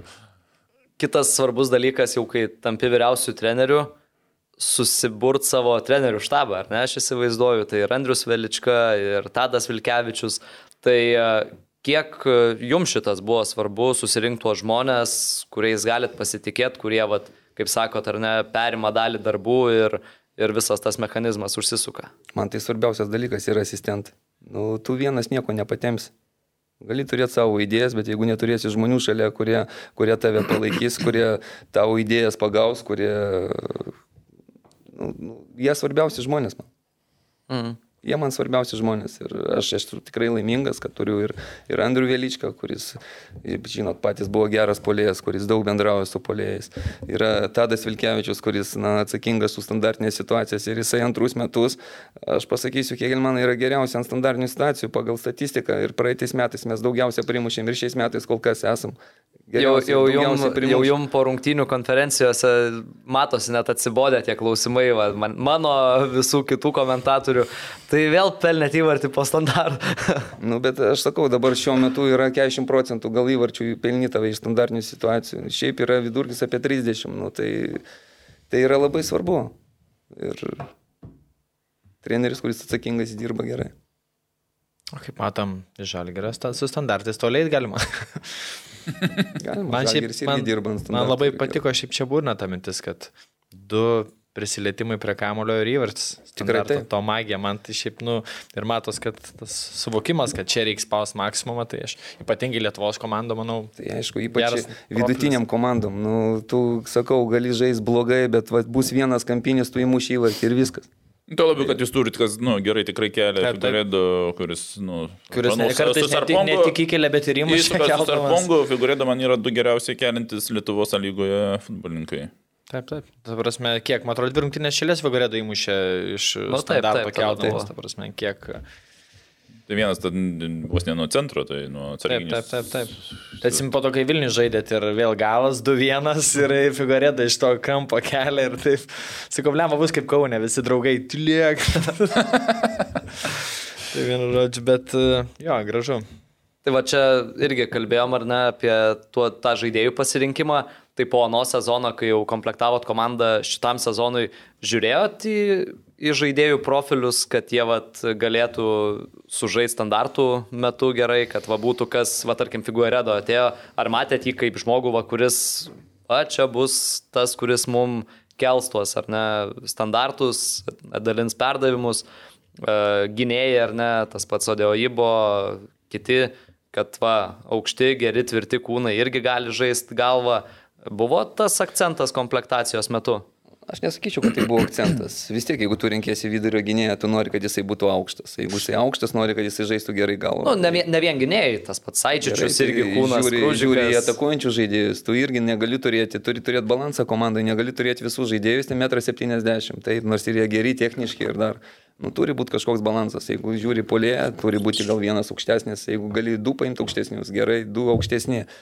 Ir tas jų profilis irgi jie turi būti paslankus, gali, turi, turi, turi gebėti ir presinguoti, ir bėgti. E, Reikalingas, sakau, balansas, paprasčiausiai taip sukrito, mes e, radom tokius žaidėjus, kurie, kurie gali, gali ir pakelti, ir, ir yra žaidėjai, kurie gali mušti. Tai paprasčiausiai tai nebuvo taip, kad mes ieškom būtent va standartai. Va, va. Būtinai va tas žaidėjas, gynėjas turi būtinai pakelt. Nu, nebuvo tai. Mm. Nebuvo tai ir figūrėdo Hugo. E, Ne nuo pat pradžių pradėjo kelti tos standartus, buvo ir kiti žaidėjai, kurie kėlė. Iš pradžių gal ir Jūkis ke- keldavo daugiau, bet na, pamatėm treniruočio procese įgoje ir rungtynėse, kad na, yra kitas žaidėjas, kuris gali duoti daugiau efektyvumo. Ir duoda. Ir duoda. O, o pati komplektacija. Ar tai yra labiau, ka- kas daugiau užima to žaidėjų ieškojimo? Ar Gedrius Klevinskas, ar jūs kaip treneris e, žvalgotės į tą rinką, ar tai yra tiesiog bendri visiškai priimami sprendimai? Aš iš tikrųjų džiaugiuosi, kad e, taip esame mažas klubas, bet mes turim atsakingą žmogų ir žmogų, kuris tikrai gaudosi ir su ryšiais. Man labai daug kas nukrenta. Aš, mes bendravom, mes kiekvieną dieną matom, mes kiekvieną dieną bendravom, mes matom, kur mes norėtume sustiprėti. E, Žaidėjus randa jisai. Nors ir man agentai rašo, ten dar aš juos visus nukreipiu, nes nu, čia ne mano darbas. Nukreipiu jam, jisai vis, tais dalykais užsiminė. Jeigu yra pozicija, kurią mes norim sustiprinti, taip, mes gaunam tos žaidėjus, mes juos žiūrim, mes juos analizuojam, nu, mes ne, ne, ne, ne, negalim mokėti daug irgi, nesam, nesam kosminė, dėl to ta atranka jinai irgi jinai užtrunka, jinai, jinai vyksta visą sezono metu. Tai tie žaidėjai, kurie atėjo, mes jau juos irgi jau žiūrėjom praeitais metais. Mhm. Na, daugiau žiūrėjo gal Gedrius. Jisai turi tas žaidėjų sąrašą, kurį, kuriuos jie, jisai stebi ir jisai žiūri, kaip jie žaidžia. Ir na, atsiradus galimybė, gal mes juos galim paimti. Taip, ir dabar tas pats, nu, bet ko nenorim paimti. Yra tų žaidėjų, nusiūlo, nu, bet sakau, norim paimti tokį žaidėją, jeigu rasim, kad jisai būtų konkurencingas mūsų komandai ir duotų dabar naudos, o ne po dviejų, trijų metų, kad tas žaidėjas nebūtų, uh, nežinau, žaidęs topiniai komandai prieš tris metus, dabar pusę metų ar me- metus nežaidęs. Nu, bent jau kažkur jisai turi žaisti, kad jis atvažiuotų tam tikram lygiai, nes čempionatų daug neliko. E, Sakėt, Gedrius Klevinskas turi ar ne daug ryšių, bet e, minėjot, kad ir pats gaunat pasiūlymų. Jie, Tai pas jūs tų ryšių pažaidus irgi per karjerą daug kur užsienio, aš įsivaizduoju, irgi labai daug. Ne, tai gaunu aš nepažįstamų žmonių. Aha. Nepažįstamų. Afrikiečiai ne. ar dar kažkur. tai Messengerį. Messengerį. Tai bombarduoja. man Ir Plys ir... Į podcastą kartais Iki tokio lygio bombarduoja, kad aš būna, nu, ignoruoju, ignoruoju, po to parašau, kas tu, Maurinio, tu man čia neatsakinėjai. Nu, aš nepažįstamas žmogus, nu, nepažįstamas, nu, aš jį pasižiūriu į profilį, kas toksai, kur ką, paragų. Bet žiūri, ne? Irgi. Kartais pasižiūriu, nu, tai aišku, kas rašo. Nu, Gal ten rimta agentūra kažkokia, tai nu, kodėl? Nu, aš nukreipiu, aš paprasčiausiai nukreipiu į gedrų ir viskas, mm. bet nu, gauni visokių žinučių. Okay, čia. Aš dar apie vieną elementą pakalbėjom apie standartus, kla- apie kitą, apie įvarčius. Trys žaidėjai iš dešimt rezultatyviausių yra Hegelmano, o Vilius Armanačius šiai dienai pirmas. Kur čia paslaptis čia? Andrius Veličkos darbas ar, ar bendras komandos, bet uh, vienintelė komanda, kurios tiek žaidėjų rezultatyviausių. Na, visų pirma, tu turi pasiūlyti žaidimo stilių, kuris, kuris turi duoti daug pavojingų momentų. Ta mes esame ir padarę. Treneriai, ne, mes. Nors ir pats buvau gynėjas, bet mane, mane vis tiek žavė atakuojantis futbolas. Ir, ir daug, daug dėmesio tam kreipiam. Ir man smagu, kad nu, daug žaidėjų pas mus pasižymė ir yra rungtynės, kad nu, nu, muša skirtingi žaidėjai. Skirtingi žaidėjai, tai yra labai svarbu. Nuo to, kad mes nesame priklausomi nuo vieno žaidėjo. Tai yra irgi labai svarbu. Iškrenta vienas žaidėjas, jeigu jisai mušia įvarčius, kaip kitose komandose, pasižiūrim, viskas nemuš komanda. Pas mus taip nėra ir aš noriu išlaikyti tą kuo ilgiau, kad tie žaidėjai, kad tie žaidėjai atsirastų ten. Mes sukūrėm daug momentų. Tai mane irgi džiugina. Mušam tos įvarčius, kartais gal daugiau, kartais mažiau, kartais. Bet uh, mes momentų tikrai turim. Taip, nu pradžius Aičičius mušė, po to Augustas, Vilius laik paraleliai, bet šiaip negalima neatsižavėti Vilius sezonų, 10 įvarčių, 6 rezultatyvus perdamai ties tai, sezono vidurį. Tai ne tik šis sezonas, bet jau ir... Ir pernai, bet turime, kad šiemet dar žingsnis į priekį. Ta prasme, jau jo, tai pernai gerai žaidė, bet dabar dar įspūdingiau. Tai jo, tai wow. Irgi, vat, klausimas, kaip jūs matot tą Viliaus transformaciją, kur atrodo, ar ne jau prieš kelis metus buvo kaip sakyti, ne, ne, negalima sakyti, kad nurašytas žaidėjas, bet ar ne iš lygos jau buvo uh, nuėjęs į pirmą lygą, dėjęs tą tokį žingsnelį atgal, bet dabar matom pasiekė jau ir rinktinės lygį, ar ne, yra kviečiamas, tai uh, kur per tuos vat, kelis metus tas jo augimas, ta transformacija. Na, jeigu pažiūrėsite, ne vienas žaidėjas toks. Na, nu, taip. Ne vienas žaidėjas. Ir, ir dar yra keli žaidėjai, kurie, kurie žaidė pirmo lygo ir jau turbūt galvojo, kad jau viskas, jau jie profesionaliai gal nesportuos bet uh, jisai visų pirma su charakteriu, jisai profesionalas, jisai, jisai kiekvieną dieną matau štanginiai prieš treniruotę, po aš jį stabdau netgi kartais. Bet, uh, na, jisai turi didelį charakterį, jisai kapitonas komandoje, jisai bendrauja su žaidėjais, bet ne tik jisai, yra ir kita lietuvių grupė, kurie, kurie, kurie šalia ir jie motivuoti, jie nori. Gal kartais reikia patirti tai, ką, ką jie patyrė, būdami pirmo lygoje, dirbdami kažkur tai ir dar žaisdami futbolą. Gal reikia tą patirti ir suprasti, kad e, futbolas yra geriausias darbas pasaulyje. Tu ateini pažaisti, ateini pasitreniruoti ir tu už tai dar gauni pinigus. Gal ir tai dar juos kažkiek tai veža. O veža irgi tai, kai tu matai, kad tu treniruojas ir komanda gerai žaidžia ir tu pats gerai žaidži. Tai aš manau, kad e, tai dar priduoda daugiau emocijų. Mm, aš turiu klausimą irgi. Šiaip žiūrint Hegelmaną apskritai kaip į komandą, kaip pernai ta buvo tas proveržys, šiemet kaip žaidžia, man vis laik atrodo, kad dalis sėkmės laik yra gera atmosfera komandai. Ar būtų galima sakyti, kad Hegelmanuose išskirtinai ta atmosfera gera, ryšys tarp žaidėjų, tarp trenerių ir kad tai yra dalis irgi visos e, sėkmės? Man visų pirma, kaip treneriui, man svarbu, kad komandai būtų gera atmosfera. Aš negaliu pakęsti blogos atmosferos, nesvarbu, mes pralošiam yra diena po rungtynių ar kita diena, kai vyksta kažkokia tai analizė, viskas, dvi dienos praėjo, viskas jie turi užmiršti. Aš jiems visą laiką tą kartoju. Viskas, braukiam, tai praėjo, mes išanalizavom, padarėm analizę, ištaisėm klaidas, viskas.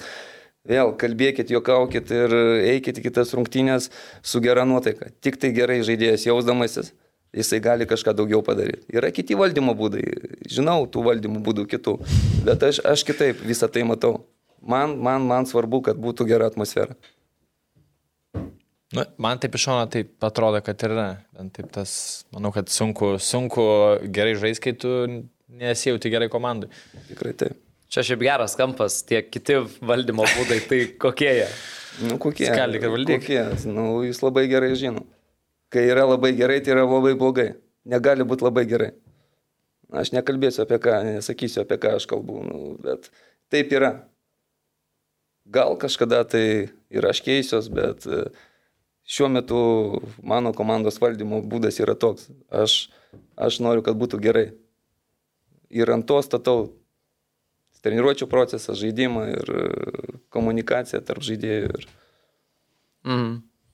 E, dar kalbėjom apie komplektaciją, apie tą žaidėjų atranką. Ar šio sezono metu dar galvojat apie kažkokį pasistiprinimą, ar ta komanda, tarkim, Vilniaus Žalgiris, Vilma Venslovaitinė aiškiai pasakė, kad e, susikomplektavom prieš sezoną ir uh, sezono metu jokių pirkinių nebus. Ar jūs turite tokį nusistatymą, ar ieškot to žaidėjo dar kažkokio, kad šio sezono metu papildytų? Iš tikrųjų turėjo vienas atvažiuoti, bet jisai mus stipriai pavedė, stipriai pavedė ir Lietuvis? Lietuvis? Ne, ne lietuvis. Ne. Ir jo greičiausiai nebus. Aišku, mes, mes sakau, stebėm visą laiką. Jeigu atsiras rinkoje kažkas, tai kodėl ne? Gal ir atsiras vienas kitas. Na, mm. nu, ta konkurencija jinai turi būti. Nu, kai, kai yra gerai, turi, turi atsirasti kažkas, tai kad, kad tie žaidėjai dar labiau norėtų. Kad jie jaustų konkurenciją. Jinai konkurencija atsiranda. Jinai dabar atsiranda. Okay. Nežinau, sakėt, mus klausot, nežinau, ar klausot Skrieja Kamolys ir kitas tinklalaidas, bet uh, Skrieja Kamolys viena, vienoje tinklalaidai buvo tokia įdomi mintis išsakyta, kad uh, Andrius Karla, Jėgelonijoje žaidęs daug metų, dabar geri rezultatai treniruojant. Kaip jums mintis, kad Andrius Karla vieną dieną tampa Jėgelonijos vyriausiųjų treneriu? Ar, Ar, ar esat kažkada, tai vad klausimas pirmas, ar esat girdėjęs tą mintį? Ir e, kitas klausimas, ar esat kada nors apie tai pagalvojęs, kad, va, tarkim, treniruot kažkurį buvusi savo klubą, kuriame esat žaidęs? Esu tą girdėjęs, taip, e, bet kaip ir, kaip ir žaidėjo, taip ir trenerio dalė nežinoma. Tu vieną dieną čia, kitą dieną ten. Taip, aš ten žaidžiau, kažkokią tai palikau po savęs, kažkokią tai dalelę, bet ne tik ten, ir škoti. Aš norėčiau labai į Škotiją grįžti, nežinau, norėčiau. Man, man ten ta atmosfera, ta, tas žmonių, kaip pasakyti, na, nusiteikimas, palaikymas ir, ir tos tradicijos, tai yra kažkas. Ten bet koks mažas klubas turi savo bendruomenę ir ten savaitgalis prasideda nuo futbolo. Ten ar 2, 3 ar 5 tūkstančiai ten visą laiką yra. Mm. Ir na, ten, aišku, savotiškas futbolas, bet Bet niekad nežinai, kaip gali atsitikti. Gal ir ten atsirasi, gal ir, ir kitur atsirasi. Bet šiuo metu koncentruojuosi ten, kur esu ir negalvoju apie tai. Bet aš, bus. bet aš įsivaizduoju vis tiek e, Lietuvoje dirbančio, vat, ypatingai jauno trenerio ar ne, dabar tikslas pavyzdys tai Valdas Dambrauskas išvažiuot, e, kaip ir žaidėjai ar nenori išvažiuoti e, žaisti užsienį, taip ir jauni treneriai, aš įsivaizduoju, svajoja žengto žingsnius ir Valdas Dambrauskas dabar labai geras pavyzdys. Mm, be jokių abejonių. Taip, tai jisai turėtų būti mūsų visų pavyzdys, visų trenerių, kad e, nieko nėra neįmanoma. Bet ta lyga Lietuvos lyga, jinai, na, jinai nėra stebima. Ir tai, kad tu čia kažkur tai ten prieki būsi, tave mažai kas dėmesio atkreipia. Reikia galimybių, o apie galimybės, aš sakau, kiekvienas žmogus turi gyvenime tam tikras galimybės, jas reikia, jomis reikia pasinaudoti. Mhm. Aš manau, kiekvienas jas turi ir gal ir aš turėsiu kažkada. O ten jau priklausys, pasinaudosi ar ne, ar žengsi toliau, dar vieną žingsnį. O Andriu futbolininkam ten faktas, ten rašo agentai. Ar būna, kad tren, tau kaip treneriui parašo tą patį messengerį ar Instagramą, sakykime, agentai, kurie nu, pasisiūlo kažkokiose rinkose paieškoti variantų. Ar būna tas pats kažkas panašaus pas trenerius, kaip būna pas futbolininkus? Dėl trenerio darbo? Dėl trenerio, jo. Esi gavęs, sakykim, iš kažkokios agentūros, kad galbūt mes paieškosim, ar ten suteikti ten autorizaciją, ar pasirašom kontraktą, kas ten. Ne, tokių nebuvo. Gal buvo čia nu, nes, nesenai keletą tokių, tokių, tokių pasiūlymų įdomių, bet aš juos iš karto atmečiau, bet... E, Kas kokios Saudo Arabijos, ne, dar kažkas. Ne, net nenoriu kalbėti. Ten, A, jo, tai aha. nenoriu net kalbėti. Tai nerimta pasirodė. O šiaip, ne, labai retai. Labai retai, ne, labai nebūna retai. tokių, kad... Ne, ne, ne. Pavyzdžiui, aš įsivaizduočiau, kad, nusakim, iš Lenkijos ten kažkokios rinkos ar ten tos pačios, nežinau, Škotijos, kad kažkokia agentūra, ne, ne pati ten žemiausia, bet Sako, davai, Andriu, tenais ne. pasirašo metam ir mes pabandysim paieškoti. Per trumpai dar. Per trumpai, esu, ne? Jo, supratau. Per, per trumpai dar mhm. esu vyriausias treneris. Tai reikia pradėti kaip futbolininkui pačiam rašyti. ateina laikas, ateina laikas, kai pradėti, gal jums reikia, gal, gal paimsit, pažiūrėkit, tai peržiūrą kažkur tai. Leiskit, leiskit pasitreniruoti su jumis biškai. Ir aš vis aš ne Maurinio, ko neatsakai. ne Maurinio, bet geras treneris. Okay.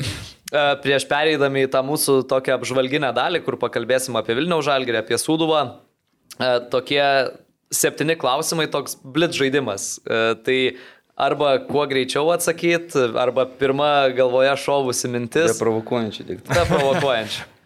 Uh, tai pradedam treneris, prieš kurio komandas OptiBeta lygoje šiame sezone ruošti sunkiausia. Mindaugas Čiapas. E, įdomiausias jaunas šio sezono lygos žaidėjas?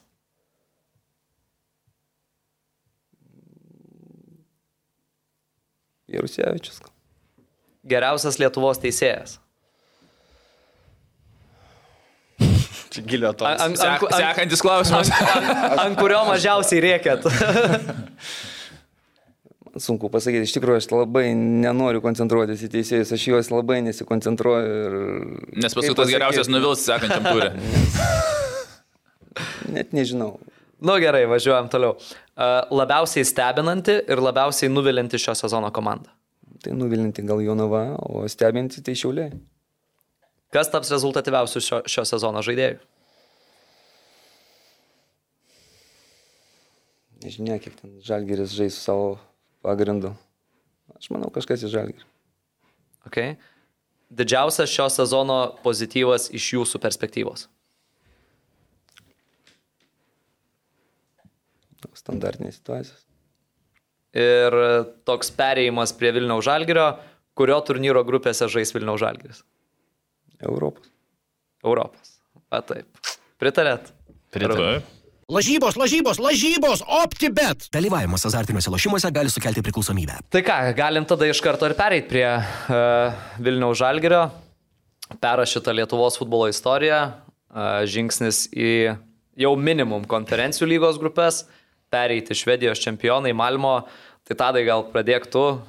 Tu čia Kaip jau- tiesiogiai podcastas išsiuntė tave į Švediją ir Komandiruotę. komandiruotę, kad buvo? atvežtum. Ar apmokėta buvo? Vėliau, čia jis tokų pateikė.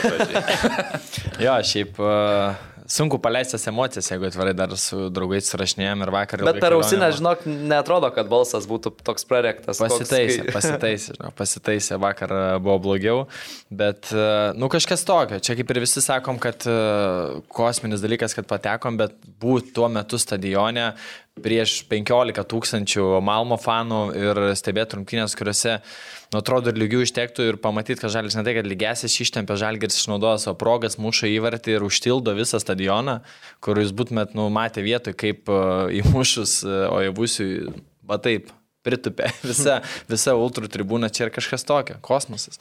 Ta prasme, aš kaip pagalvoju savo perspektyvas, šiek tiek 6-7 metai toliau tu už futbolą domiuos, bet yra kas laukia iš Žalgėra fonto 30-40 metų, nuo kas per ten pradėjo nuo pat senų laikų, kiti ten 15 su keliais vyrukais iš pietų ketvirtos keliavau, nes mano draugai anksčiau išvažiavo, jie ten vat, po 13 metų atidavė ir, ir, ir dabar va čia jiems tai, nu, čia tikrai va, tuo ir nerealu yra laukti, tikėti ir, ir išgyventi tokias akimirkas. Tai, tai superinis dalykas, džiaugiuosi, kad su- suinvestavau šitą kelionę ir, ir išvažiavom.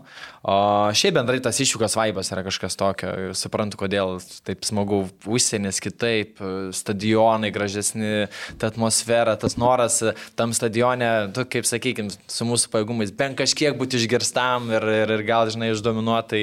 Tai nerealu būtų kažkada, kad, va, kai žaisim grupėse, tas iššūkas išvažiuotų ne 500-100 žmonių, o visas tas pilnas sektorius, kiek ten telpa, nežinau, gal koks iki 500-700. Tai Tai jo, šiaip e, mes šiek tiek Danijoje daugiau pasibuvom, persikėlėm į Švediją, tas Malmės miestelis ne- nelabai sužavėjo mūsų, tas kaip sakau, Šeškinės mikrorajone pakrašty pastatytas gražus stadionas ir, ir ten, nu tikrai liūdna ten, persikėlėm, žiūrim, okei, okay, sakom, klaidos nepadarėm, kad Kopenhagoje prabuvom visą dieną. Ir, ir, ir, ir ką, šiaip jaučiausi kaip įžymybė po rungtynių, nes tiek sveikint, atrodo, būčiau aš žaidęs. tiek žinučių, o sveikinu, čia va, čia Žaidėjai istorija. Man-? Žaidėjai rašo ir tada galvoju, wow, tai kiek čia big dalykas. Kaip sakau, kai dirbdavau su Karklės festivaliu dieną iki renginio dėl bilietų tiek rašančių būdavo. tai čia dabar visi taip, tai, nu, hypas belė koks e, buvo. O pačiam, pačiam stadione reiktų padėkoti turbūt ir Švedijos, Danijos lietuviam, kurių nemažai atvažiavo. O taip sakyčiau, jeigu per visus sektorius, turbūt porą šimtų sudėjus atvažiavo ir kai kurie į mūsų sektorių, kai kurie matėm virš mūsų šonuose ir trispalvių buvo ir, ir taip laimingi jungėsi ir iš toliau mūsų skanduotės. Tarp kitko, viešbutį susipažinau su Židrūno Grudzinsko pusbroliu, kad Okay. okay. mūsų, mūsų viešbutį gyveno, tai po, po rungtynių šiek tiek šnekėjom apie viską. Nedaug, bet, bet pabendram draugai daugiau.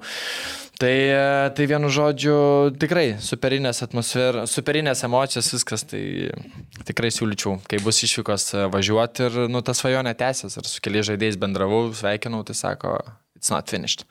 Tai, tai tas irgi džiugu, kad e, žiūri, kad galima ir toliau eiti ir, ir, ir, ir rodyti, kad ne šiaip jau čia viskas vyksta. Ir šiaip dar vieną dalyką pagalvojau, kad pernai nu, būtume ten ar prieš mūrą laimėję ir išėję, ar ten prieš bodo. Nu tai taip sakykime, išnaudojam tą labai patogų planą, būtume išnaudoję, kad nu tu turi daug šansų. O čia Žalgeris pirmų tiesių šansų stikrino, laimėjo pirmą čempionų lygos etapą, laimėjo antrą etapą, eina į trečią, pakartoja FB, pakartoja e, rezultatą 2-8-5, prašau. Ne, aštuntais. Ir, ir turi visus šansus dar ir toj čempionų lygoje, ir Europos lygoje žaisti. Tai tas super, kad užtikrintų gerų žaidimų visą tai pasiekė. Jo, tai apie žaidimą Andriu Arūnai, kokį įspūdį paliko? Man tai, man tai labai gerą įspūdį paliko. Bet gal aš norėčiau dar pradėti nuo, nuo, nuo pačios pradžios, kai jie sužaidė su Balkanė 1-1. Čia mhm. buvo labai daug kritikos žalgeriui, bet e, kažkaip aš labai ramiai jaučiausi, nes žinojau, kad tai rungtynės išvyko. O rungtynės išvyko ten, ten, e, ten svarbu rezultatas. Mes visi galvojam apie žaidimą. Ir tai, ką jie padarė po to čia namuose, namuose visai kas kita. Žaidžiant tokias rungtynės, ar čempionų lygos, ar Europos lygos, ar iš viso atrankos rungtynės, yra dvi skirtingos rungtynės. Vat, yra svečiai, ne, išvyka ir yra namuose. Tai tai, kad jie sužaidė ten lygiom, tai buvo labai labai svarbu. Taip, jie įveikė tą etapą. Rungtynės su Malime. Na, paskutinės trys rungtynės Europoje yra fantastiškas rungtynės. Tai, ką aš matau ir, ir taktinių, E, ir, ir taktika teisinga pasirinkta ir, ir svarbiausia žaidėjai, jie iš rungtynių į rungtynės tą pildo daug geriau. Mes, mes matėme, kad, na, ne tik noras, noras buvo didžiausias ir jeigu taip pastebėti ir Malmo žaidėjų, žaidėjų norą ir, ir žalgeriečių, tai nėra ką lyginti. Bet ne tik tai, žalgeris pavertė Malmo, aš nežinau. Tai švedijos čempionai, bet atrodė, kad žalgeris yra švedijos čempionai. Ir na, visi komplimentai ir treneriui, ir žaidėjim, nes jie, jie, jie taktiškai sužaidė, nepasakyčiau, kad jie kažką tai kito žaidė. Jie žaidė tą, tą patį futbolą, tik tai jie žaidė daug agresyviau ir, ir, ir daug naudingiau. Arūnai, tu esi labai daug šitam sezonė kalbėjęs, ar ne, apie Vilniaus Žalgirio taktiką, apie jų žaidimą. Ar tu irgi nematai labai didelio skirtumo visame tame? Pirmas dalykas, gal kurį pastebėjau, nu, Žalgiris A lygoje ir Žalgiris čempionų lygoje, nu, tokios skirtingos komandos. Ir viena, aš net nebejoju iš priežasčių, yra, kadangi Žalgirį yra daug legionierių, yra ta aplinka, kurioje tu žaidži. Nu, įsivaizduokim vieną žaisti LFF prie 150 žiūrovų ir kaip ta, tu žaidžia pil, pilname stadione arba toje pačioje Švedijoje, tie legionieriai tokį futbolą ir įsivaizduoja, kad jis toks turi būti, o ne prie 150 futbolininkų. Ir čia yra, yra vis, visiškai kita motivacija. Tai jeigu jie laimė tą lygų rungtynės per tokį sunku kažkokį tenais, daug jėgų eikvojant ir galbūt mažai noro rodinti futbolą, tai čempionų lygui faktas viskas kitaip. Dėl taktikos aš pritariu Andriu, kad ten buvo kažkokio labai ten stebuklo nebuvo, bet buvo išpildyta tas, kas ir buvo prašyta, ten tie patys penki gynėjai, kaip nusileidžia Goropcovas ir, pavyzdžiui, ypač Vilniutas, va, kaip arti man sėdis, visą laiką e, gyvai žiūrint daugiau matosi negu žiūrint. Tai tiesiog kraštiniai gynėjai jie pastinka tuos saugus, neduoda jiems pagalvoti, žino, kad už nugaros dar iš, iš principo keturi gynėjai yra ir e, tas saugas dažniausiai net nevedo, gražina kamuolį ir gaunasi toks atrodo tos malimas žaidimas toks be noro, kai, nu, atrodo, nebaigiai rizikuoti, nes gynės tai greit paspaudė, dar nespėjai kamlį dirbti, ypač LFF stadione. Ir man Kitas dalykas, kodėl tas Malmo, sakykime, taip, sakykime, toks atrodo kartais toksai be, be, be, be, be ugnelės žaidimas buvo. Vienas, vien be to, kad Žalgiris gerai žaidė, kaip sakė, čia Burnas komanda žaidė taip, kaip priešininkas leidžia. Antras dalykas, ten iš tikrųjų yra tų futbolininkų vyresnių, kurie jau po 7-8 sezoną Malmiai. Tai galbūt toksai, va, toksai kaip būna ant galo, sakykime, jau aš atžaidęs, nu, laimėsim kažkaip, bet nelaimėsim, aš ir taip jau, nu, kaip sakant, daug ką esu pasiekęs. Man toksai, va, žalgiris buvo alkanesni toje vietoje ir, ir nors manau, jie ir tikėjo, kad ir Švedijoje bus, jie geresnį ir atžais tą rezultatą, bet, bet uh, abi rungtynės žalgirio, nu, pagal, pagal Iš tikrųjų, jie ir turėjo praeiti, ne, čia nesėkmės faktorius. Aš tik gal du dalykus pasakysiu. Pirmą, šiaip tikėjausi didesnio lipimo ant vartų pirmas 15 minučių, galvoju, kad nu bus pragaro, pragaro žalgiriui, bet iš esmės nebuvo per daug lipimo, nebuvo, tikrai kontroliavo viską, bet kad tokio proga po progos būtų, tai toli gražu. O antras dalykas, ką statistika po to sužinau, kad uh, spėkit, kada paskutinį kartą Malmė pralaimėjo namie uh, atrankoj čempionų lygos ar Europos lygos. Tai jie Šitam naujam šitam naujam, man tai nėra pralaimėję. Ne, kart, pirmą kartą Nei kart, Žalgiris. Nuo 2009 metų, kai pastatė šitą stadioną Malmė, nei kart nepralaimėjo jokių atrankos rungtynių namie. Namie, ne? Taip, tai Čia čia, būna pirmas kartas. bet čia, wow, čia per 14 metų nu, nuvažiavo Įspūdinga. Žalgiris ir... Aš kitą dar lentutę, va netyčia, va dabar žiūri, pa, pamačiau per va, atranką tas keturias rungtynės, kas daugiausiai taškų surinko.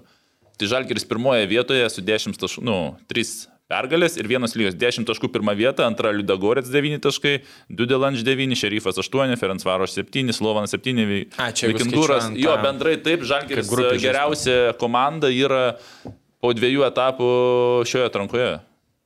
Super. Čia įspūdinga. Sakau, kosmosas kažkoks yra visom prasmėm.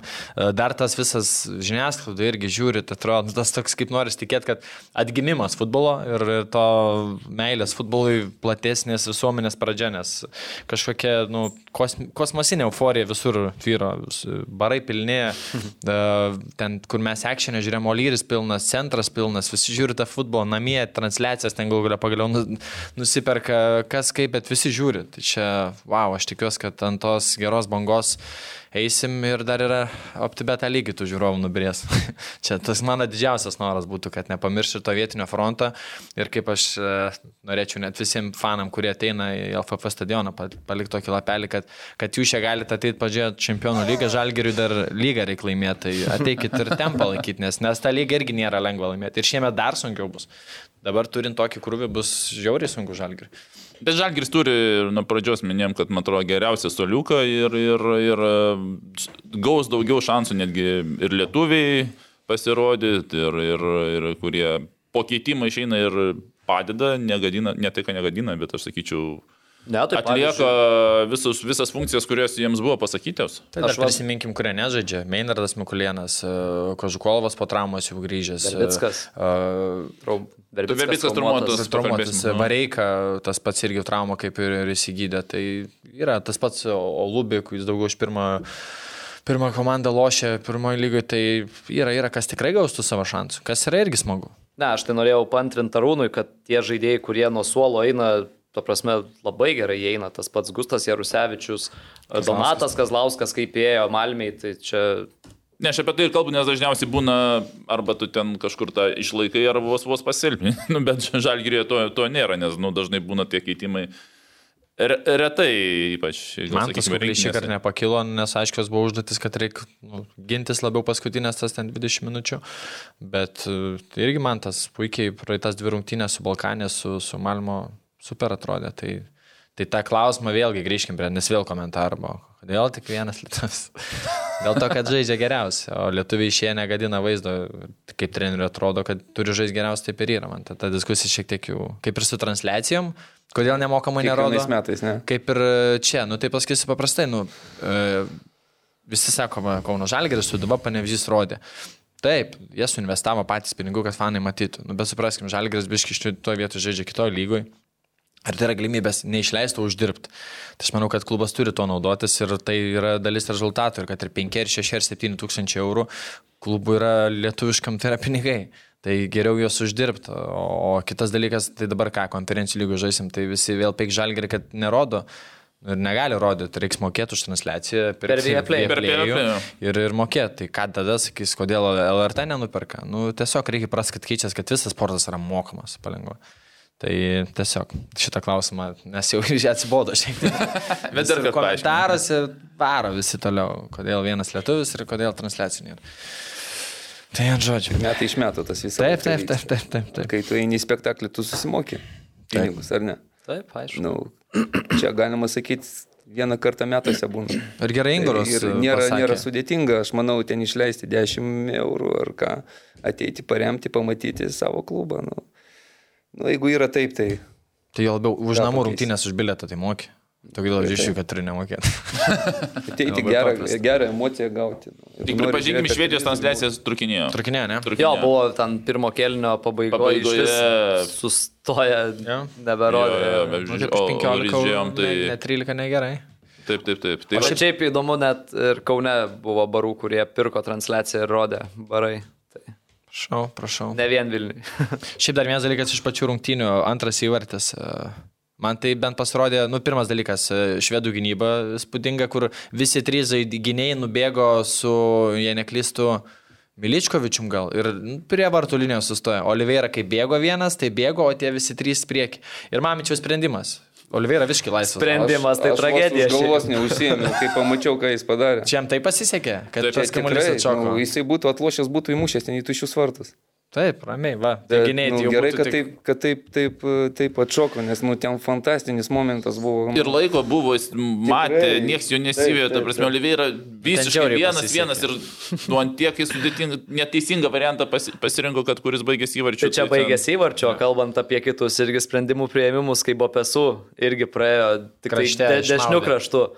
Nu ten jau irgi, nu, viską padarėjai, atiduok dar pasiuką irgi į tuščius vartus. Matai, kas yra, jis de- dešiniam krašte jis kairė kojas. Jis tą dešinę nemanau, kad jis ten būtų padaręs, persimetė kairę, mušė stiprią koją. Nu, bet tai net ir kairė koja persimetė. dar galėjo, jo. Tokio lygio žaidėjai, žaisdami čempionų lygoje, nereikia žiūrėti kairę dešinę. Nu, būtų Nu, padaręs, jeigu, jeigu, jeigu norėjęs. Gal jisai tame momente matė, aš už geriau užbaigsiu ir ramiai grįšiu. Jis Ramiai jau grįšiu, tam- kad nebūtų ten kažkokio, reikėtų bėgti atgal iš karto. Taip, taip, taip, man atrodo, dar tas buvo toks. Man tai atrodo, Nes jau ten kelintas, 700 kažkelinta minutė buvo ten jau, nu, nereikėjo to baisiai, taip, to trečią įvarčio. Aš tai galvoju, kad jisai tą momentą jau išgyveno savo šlovės akimirką, kurią Taip, vaikystėje žaisdamas kieme jis įvaizdavo, kad žaidžia, žinai, pilnam stadione. Du žaidėjus apvedė, tą ir pirmą iš viso. Nu, bet tai pasibėgo, permetė. tai, tai, tai, va- pamačiau bėgantį, taip galvoju, eiktų savo. Bet pirmą žaidėją gerai išmaudė.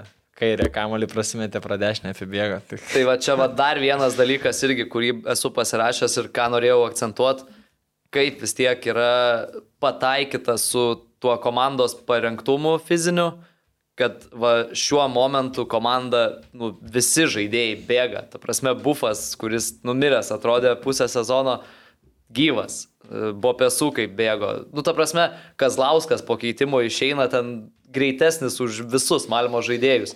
O javusis kaip bėgo. Nu, ta prasme, pataikyta atrodo idealiai. Nu tai prisiminkim rungtynę su Balkanė, Orega ir Mamičius 120 minučių atžaidė ir dar 117. Mamičius, nu tokį niekieno kamuolį su mažai šansų sprintuoja ir bando dar ištraukti. Aš ten už visus tos kampinius atleidau jam po to epizodo. Bet, nu jo, kaip sakai, laiku ir vietoj ir forma fizinė. Gal tik iš tokių minusų aš pasaky, pasi, pasi, kaip pa- pa- pagalvojau, kad, na, nu, Oliveira, man atrodo, jisai, va, kaip Žalgeris, lygui ir skirtingi, tai lygui jisai tikrai, kaip sakyt, figūra, o čempionų lygui jis kažkaip labai užsitušavo ir jo realiai nesimato labai daug praradimų, ypač su, su, su, su, su, su Malmo man nepatiko ir, ir, ir įdomu, ar, sakykime, laikys sekančiose rungtynėse pagrindė ar ne, bet kažkaip Aš manau, laikys jau ten tadičius su Silvestru pa- pamiršti, ar skrido iš jis. Nežinau, aš tai manau, jis svarbus žaidėjas šitoj komandai. Ir e, svarbu, nes e, kai tu žaidži čempionų lygos rungtynę su, na, sakykime, geresnė komanda, gal komanda, kuri daugiau kontroliuoja kamuolį, jisai vienas iš tų žaidėjų, kuris gali prilaikyti tą kamuolį. Gali prilaikyti. Jie visi žaidžiantis. Aš dabar, ką matau, tai nu, jie visi gali prilaikyti tą kamuolį, padaryti keletą perdavimų. Tai yra labai, labai, labai svarbu, kai, kai tu daug gynėsi ir jeigu padarai keletą perdavimų, viskas varžovas, jisai automatiškai ten sėda. Sakė, Rūnai, per rungtynę su Balkanis skaičiavai, ar ne tuos... Kaip, primink, kaip tu skaičiuoji, kad Perėjus vidurį. Perėjus vidurį vidurį, trys trys perdavimai. perdavimai, tada jau ataka, ar ne? tada jau tokia, ja, kada, kokią minutę. Skaičiavai čia, ką nors Skaičiavau, bet atrodo, ten buvo 6 minutė, ten viskas tvarkoje buvo. Tai ir... Jo, jo, pradžio, bet ten labai greitai atsitiko, atsitiko tas. Ir dar vienas dalykas, tas pats bufo perdamas įvarčiui. Irgi gražiai vienu lėtimu į plotą numetė, o jau Usi savo sprintų pabaigė darbą, bet... Tai avus yra apskritai, jisai netrodo galbūt kartais, kad, kaip čia pasakyti, jis yra daugiau greitas negu atrodo, netgi va, aš su Vaitkūnu kaip tik žiūrėjome rungtynės ir būtent kalba buvo, sako, nu, tu atrodo, kad turi forų kelius metrus, bet ir atrodo, kad paimsi, bet ten yra gynėjas. Malmo ir turėjo dar porą metrų. Porą forų ir kitas dalykas, smūgio metu jis net ne, jis ant tiek buvo toli, kad net nedarė pat kato. Nors tas pats gynėjas prieš 10 minučių Renaną pasivijo ir, ir atėmė kamelių, jeigu aš neklystu, nes kairiai pusė Renano įmetė ir gynėjas, Renanas turėjo 2 metrus forų, gynėjas centro pasivijo jį, užblokavo ir Renanas atsilošė. O praėjus ten dar kažkiek 10 minučių, uh, su dviem met, metrų foru ir 16 tu turi kryptim, ir dar kryptim teisinga jo. Teisingai. Tai ne vienoje linijoje bėga. Tu net nepasivyji tiek, kad padaryti pat katą. Spūdinga. Ir užbaigimas man patiko, ta prasme, tikrai nesvartininkas jau buvo gan arti, vartų ploto mažai buvo laisvo, bet į gražų kampą dešinių. Jau matys, jis žino, ką darys. Jo, jo. Pas jį užbaigimai arba idealūs, arba visiškai priešingi. Kaip buvo Vilniuje arba su riteriais. Ja, Dar irgi ką esu pasižymėjęs, Gusto Jarusevičiaus efektyvumas išprovokavus komandos Malmo kapitoną. Jis žinojo, kad įdomu, kad jis geltoną jau turi. Nežinos, ne, nežinos. Ne, turbūt, kad nežino tokių dalykų. Laiku, nu, kartais atsirado, kaip sakė. Vietoj ir laiku, jo, taip, taip. taip, bet, taip. Pasėmė ir pats geltoną, bet paplotys jau iš tą geltoną savo. ne, bet nu, čia šiaip žiūrint Gustą yra lygoj, nu, jisai lygiai taip pat eina čia kalbėjom, rungtynė su Suduva, ten Pavlovskis e, gavo per kojas nuo Gusto, ten šoka jau į veidą, Gustas stovi už save. Tai čia lygiai taip, tas pats. Taip, toks... Viską, ką daro lygoje, perdodava, nesvarbu, kad žaidži čempionų lygoje. Taip turi ir būti. Iš jauno žaidėjo tu turi matyti spinduliuojantį pasitikėjimą. Ne tik uh, geruose momentuose ir tokiuose. Kartais reikia ir pastovėti už save, už komandos draugą. Nu, jisai tą turi. Nors kartais, kai su juo bendrauju gyvai, jis labai toks kuklus, paprastas, ramus vaikinukas, bet man patinka. Žvėjot mėgsta, grybauti. Jis jėzus toks ramių balselių, bet aikštelė jo, jisai pitbulis toks, šokai blakstienas nėra autoritetų. Tas smagu, taip ir ne, kaip sako, turi būti. Ir dar vieną tokią su prie šitų, apskritai ne prie rungtynių, bet prie Vilniaus Žalgirio pasirašęs tokią temą, klausimą diskusijai. Kaip galvojat, kurie žaidėjai Žalgirio labiausiai pasikėlė vertę ir kurie gali, nežinau, gal net nesulaukia to grupių etapo išvažiuoti kažkur. Atsimenu, Džiugas Bartkus ar ne tada po, pa, po fantastiško pasirodymo išvažiavo į Izraelį. Tai čia vėl turbūt galima durti Gertmaną. Mhm. Tikrai taip. Gertmanas, tas pats Ojavusis ar ne su savo... Ojavusis. Su savo įvarčiais ir, ta prasme, fiziniam savybėm. Goropsovas. Goropsovas irgi. Pamatas visiškas. Fantastinis žaidėjas. Kiek dirbt turi jisai. Labai daug naudos duoda. Labai. Tas jos, kad tik jis šiaip kiek daugintis turi pačią burną. Bet ir, ir nusakau, su Balkanė rungtynėse, tai iš vis manis įstrigo, kai namuose žaidėm, kokį darbą atliko. Tas pats Varega irgi antroji pusė visai sezono taip turi rungtynių, bet, bet geriau nei sezono pradžioje labai visi kėlė klausimų dėl, dėl jo lygio ir kai dar buvo lyginama, kad čia vietoj Hugo ar panašiai, tai dabar geriau atrodo nei. Bet dabar Žalgris visa komanda, va, va, mes vardinam kokius 5-6 futbolininkus. Bet dar jeigu, galėtume. Ir galėtumėm vardinti, o jeigu praeitais metais buvo Videmontas, jo, tas imtas, kur, sakykime, lyderis, o dabar jeigu pasakyti, kuris yra lyderis, nu, Goropsovas jo, teisingai, Nu, sakykim, bet e, mes galėtume išvardinti turbūt 4-5, kurie tokie, sakykim, svarbiausi, o man atrodo tas va ir yra, kad va, šiam momentui tie penki nes ne penki, visi futbolininkai, dėl kurių mes diskutuojame ir duoda tą bendrą rezultatą, o ne ant kažkurio vieno statoma ir tikimasi, kad jisai ar ištrauks ar neištrauks nuo jo žaidimas pririštas. Nu, nes pernai tai jau, iš esmės, San Hugo. Hugo ir jo karastės pasiema ir vienas, kas sugeba ir išspaudžia. Taip, beje, dabar Hugo puikiai Kazakstane komanda pirmoje vietoje muša įvarčius. Puikus, puikus sezonas Kazakstane. Neveltui, reiškia, neveltui. Jo, žalgerio visma šiemet geresnė, nors sezono pradžioje tikrai, kaip sakai, rūnai, gimdymas buvo geras, bet dabar atrodo viskas laikų ir vietoje. Ir Ir genijus prie vairo. Net nespėjo Vilniaus gimdymo namai pasinaudoti Arūno pasiūlymu. Nes dabar gimdo pergalės, dabar jau, tai jau dabar. Nes kaip ir prieš podcastą šnekėjom, nuėmus Vladimirą čia burną iš Lietuvos komandų, reiktų pažiūrėti kitų komandų pasiekimus, tai per daug kažko pasidžiaugti nebūtų. Žalgeris iki ketvirto etapo, kai nuėjo su, su Zubu, tada trečiame etape Žalgeris per dešimtmetį, jeigu imtume taip. Tada kas dar? Ne, čia... Riteriai iki trečio etapo buvo nuėję irgi Europoje. Ne, tai... imti bendrą principą, tai čia, kaip ir man prieš dvi dienas iš Kazakstano skambino davim dirbti, sakau, čia pats sėkmingiausias liet... treneris Lietuvoje dirbantis, nesvarbu pilietybė, ar tai lietuvis, ar užsienietis, kuris duoda rezultatą tiek su Sudva, su Žalgiriu. Čia... Su pačia kruoja. Su... Nu, pamiršau. Nuo ko pradėjo? Prisiminkim, nuo ko pradėjo. Nu, taip, taip, ir pamiršau paminėti, iš tikrųjų dar kruoja. Tai, nu, sakiau, be konkurencijos šiai dienai tai tikrai pats geriausias treneris, kuris duoda didžiausią rezultatą Lietuvos klubams. Andriau, klausiau tarptų blitz klausimų, kurio trenerio, prieš kurį trenerį sunkiausia ruoštis, tai paminėjot Mindaugą Čiapą. kaip su Vladimiru Čiabūrinu. Ar, ar daugiau mažiau viskas aišku, kaip jo komanda žaidžia, bet... Daug, daug maž aišku, kaip jinai žaidžia. Ten tik tai klausimas yra žaidėjai, kurie žaidėjai išeis, nes mm. jie, jie, visi, jie visi turi savo klasę. Tai tas, tas braižas lygoj, nu, aš jį labai gerai žinau, ką jie žaidžia. Ir jie, jie gerai žaidžia. Jie gerai žaidžia ten. Nu, arba tu apsiginsi, arba tu neapsiginsi. Čia klausimas tame. Mm. O kad ten kažkokių tai naujovių, aš nematau ten naujovių. Jie turi savo braižą, sakau, jie jį žaidinėja, jie žaidžia iš rungtynių į rungtynės, Europa yra visai kas kita. Europa, jie, jie kita komanda. Jie, jie Lietuvoje taip nesigina, jiems reikia čia įlau, palaužti varžovą, tai, tai jie žaidžia čia kitaip. Bet ten žaidėjai, ten žaidėjų klasė. Mhm. O kaip galvojat, dabar jau vis tiek ateina žalgiriui tas metas, kai jau reiks ir aš įsivaizduoju, kad net ir dabar jau turbūt toje serijoje su Bodo jau gali tekti sužaisti yra lygą. Tai kaip galvojat, ar paveš Žalgeris visą tą?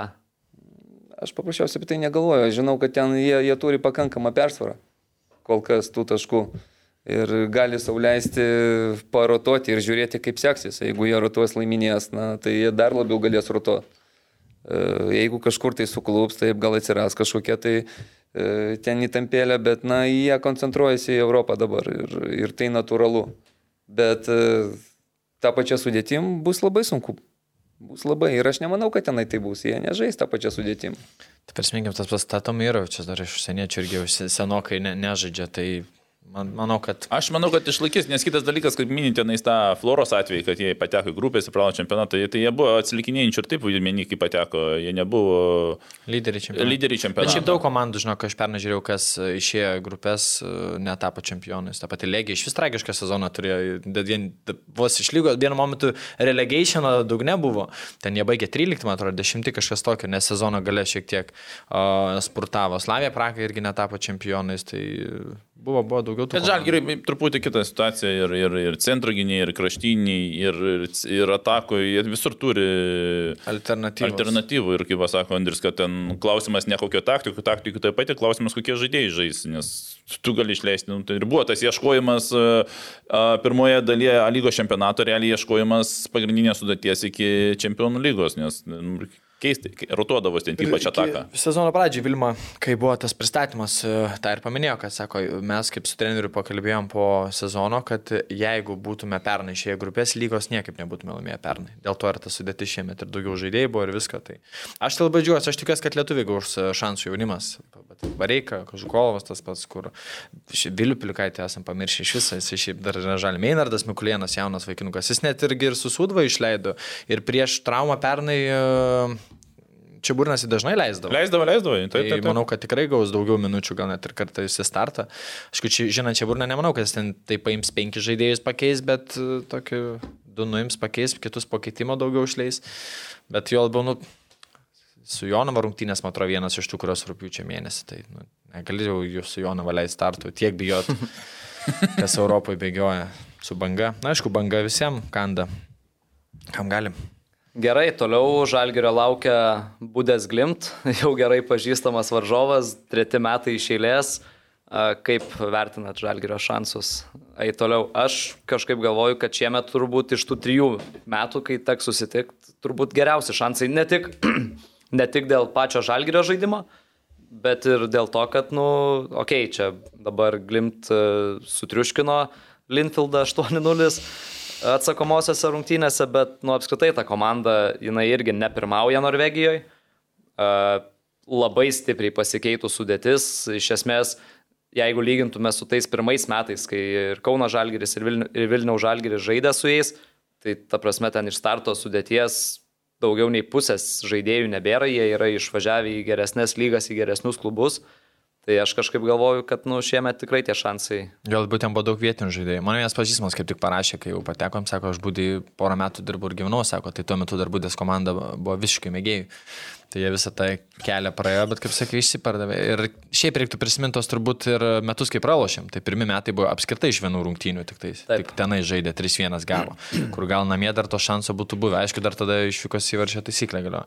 Pernai vėlgi Žalgeris buvo toks emociškai užsėdęs po mūros rungtynių, namuose 2-2 tos rungtynės tokios buvo, sakykime, kaip amerikietiški kalnelį, gerai pradėjo, tada gavo du atgal, tada realiai iš vis ten būdė vien dominavo ir galė dar įmušim. Būdė rungtynės irgi tokios, tikrai jie turėjo daugiau šansų, bet 1-0 pralaimėjo ir nebuvo ten kažkokio ryškaus skirtumo. Tai aš taip manau, kad čia met visi šansai yra ir ant tos emocinės bangos galima tikrai, tikrai nuvažiuoti ir, ir parsivežti, kad ir lygesias iš tenais ir čia spręs Vilniui. Aš kažkaip irgi pozityviai nusteikęs, nežinau, kažkaip man atrodo, kad taip kaip dabar žalgerį žaidžia, kokią dabar emociją turi gerą, tai bodo glim, tai nu, aš nemanau, kad jie stipresni už malim. Nemanau, nors rezultatas taip, 8-0, bet neužmiršti reikia, kad ten jie dešimtysė žaidė e, varžovas. E, aš manau, labai svarbu bus tos pirmas rungtynės. Taip, jeigu nuvažiuos ir, ir ten, ten turės gerą rezultatą, lygiom ar laimės, na, Tai čia Vilniui visko gali būti. Prie savo pilno stadiono. Tikrai įsitikinęs, kad na, labai svarbu ten. Tai žinai, nes, nes, jo, nes noriu kartuotis, dar pažiūrėjau tą pačią lentutę, kur, kur, kur sakiau komandas, kad Žalgiris pirmoje vietoje po to dviejų etapų, tai buvo Glimt, uh, dešimtoje vietoje šeši taškai, dvylika įmušta, dvi laimėjo, dvi pralašė ir dvylika, daugiausiai aišku, jie įmušė dvylika įvarčių su tai, Vikingūru. Ketvirtą, trečiadienį. Nes Vikingūru su, su Linfield. Taip, taip, taip, taip, bet iš principo, tai čia, jeigu žiūrėt tas va komandas po keturių rungtynių, tai... O ką jie pirmame etape aplošė? Aš pamiršau, kad nebuvo pas jas tikrai galingas varžovas. Bodoglimt? Aha, ką pirmame etape apsižaidė? Bodoglimt, Bodoglimt apsižaidė. Nes jie buvo sydėt komanda. Taip, taip, taip, aš va viskas atsidarau. Tai Bodoglimt. tuoj, tuoj, tuoj. Uh, su Limfieldu taip žaidė, o dar prieš tai... Klaksvikas. Kla, kla, aha. Farerai. Jo. Mhm. Tikrai. Mhm. Nuo Farerų, Fareruose gavo 3-1. 1-3, o namie 3-0 namie. Šitaip. Ja, ja. Tai namie jie 11 įvarčių mušė per dvi rungtynės. Tai komanda namie. Aišku, reikia nepamiršti, kokį Europoje kelią šiemet nuėjo. Du kartus įveikta Roma. O, jie pateko konferencijų lygoje, neklystų, iki ketvirtfinalio ar aštuntfinalio. Toli nuėjo. Ja, iš grupės išėjo. Gal jie aštuntfinalį nuėjo, nes jie turėjo žaisti, kadangi liko kaip antra komanda grupė žaisti. Taigi jie paskui Romą ir playoffuose gavo ketvirtį. Taip, tai laimėjo, po to tik tais e, ir prisiminkim, kad Roma namie kiek 6-0 ar 6-1. Tai Jo, jo, kosminis rezultatas. Tai namie- Bet sakau, vėl dalis žaidėjų Jau. pasikeitė, išvažiavo. Bet faktas lieka tas, kad namie jie muša įvarčius visiems. Jo. Nes kažkiek girdėjau ten ir iš kelių žaidėjų, kad labai specifinė danga ten pas juos. Ten net kai žalgir žaidė, tada ten Antalis, man atrodo, paėmė kamuolį, numetė ir kamuolys tiesiog neatšoko ir visiškai, kai, kai kieglis numestas liko ir toks visas apšaras, kaip čia tai. tai tiesiog sen treniruoja žaidį, pratęsiasi ir išgimdai tą pranašumą. Bet žalgis pernai tik vieną praleido. Galėjo ten, manau, porą, bet, bet visumoje tikiu, kad, tikiu, kad viskas šį įmanoma. Ką, perinam turbūt prie Suduvos, ar ne? Tai gal trumpai paminėsim, kad e, vėl tas įdomiai e, išmaišyta rūpiučio 3, trečiadienį žaidžiam išvykoj Ai. ir rūpiučio 9 namie. Tai e, kaip čia gavos, kad ilgiau, bet 8 dienas pertrauką gavos, tai čia dabar gausis mažiau. Tai, tai vien žodžiu. Ir lauksim žinių dėl transliacijos, nes vėl, vėl viskas, kaip sakė, paskutinė minutė paaiškės. Tai namų rungtynės vėl per tą Taip. pačią mokamą Nu, Čia labiau platformą, kur- išvyka. Jo, tai labiau nebent dėl išvyka, išvykos. išvykos. Kad bandysim vėl organizuoti kažkur žiūrėti, turėtų gautis, manau. Ja. A, Suduva Viborg, a, baigėsi Suduvos pasirodymas konferencijų lygoje. Tai ką ir kalbėjom turbūt a, čia susėdę prieš tinklalaidą įrašinėjant. 17 sekundžių gal per, per greitai praleistas įvartis, kuris iš esmės turbūt ir nu, iš karto uždarė tą, tą seriją. Sutinku.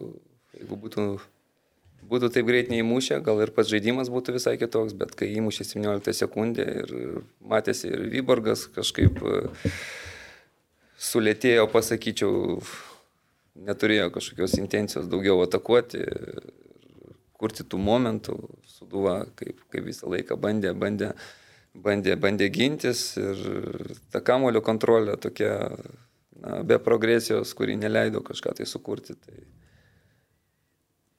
kažko tokio ypatingo ir nemačiau. Vat Suduvos e, teko socialiniuose tinkluose žiūrėti, tai fanai Suduvos labai nusivylę būtent dėl tokio pasirinkto žaidimo stiliaus, kad tiek namuose, tiek ten viskas nuo tokios aklinos gynybos.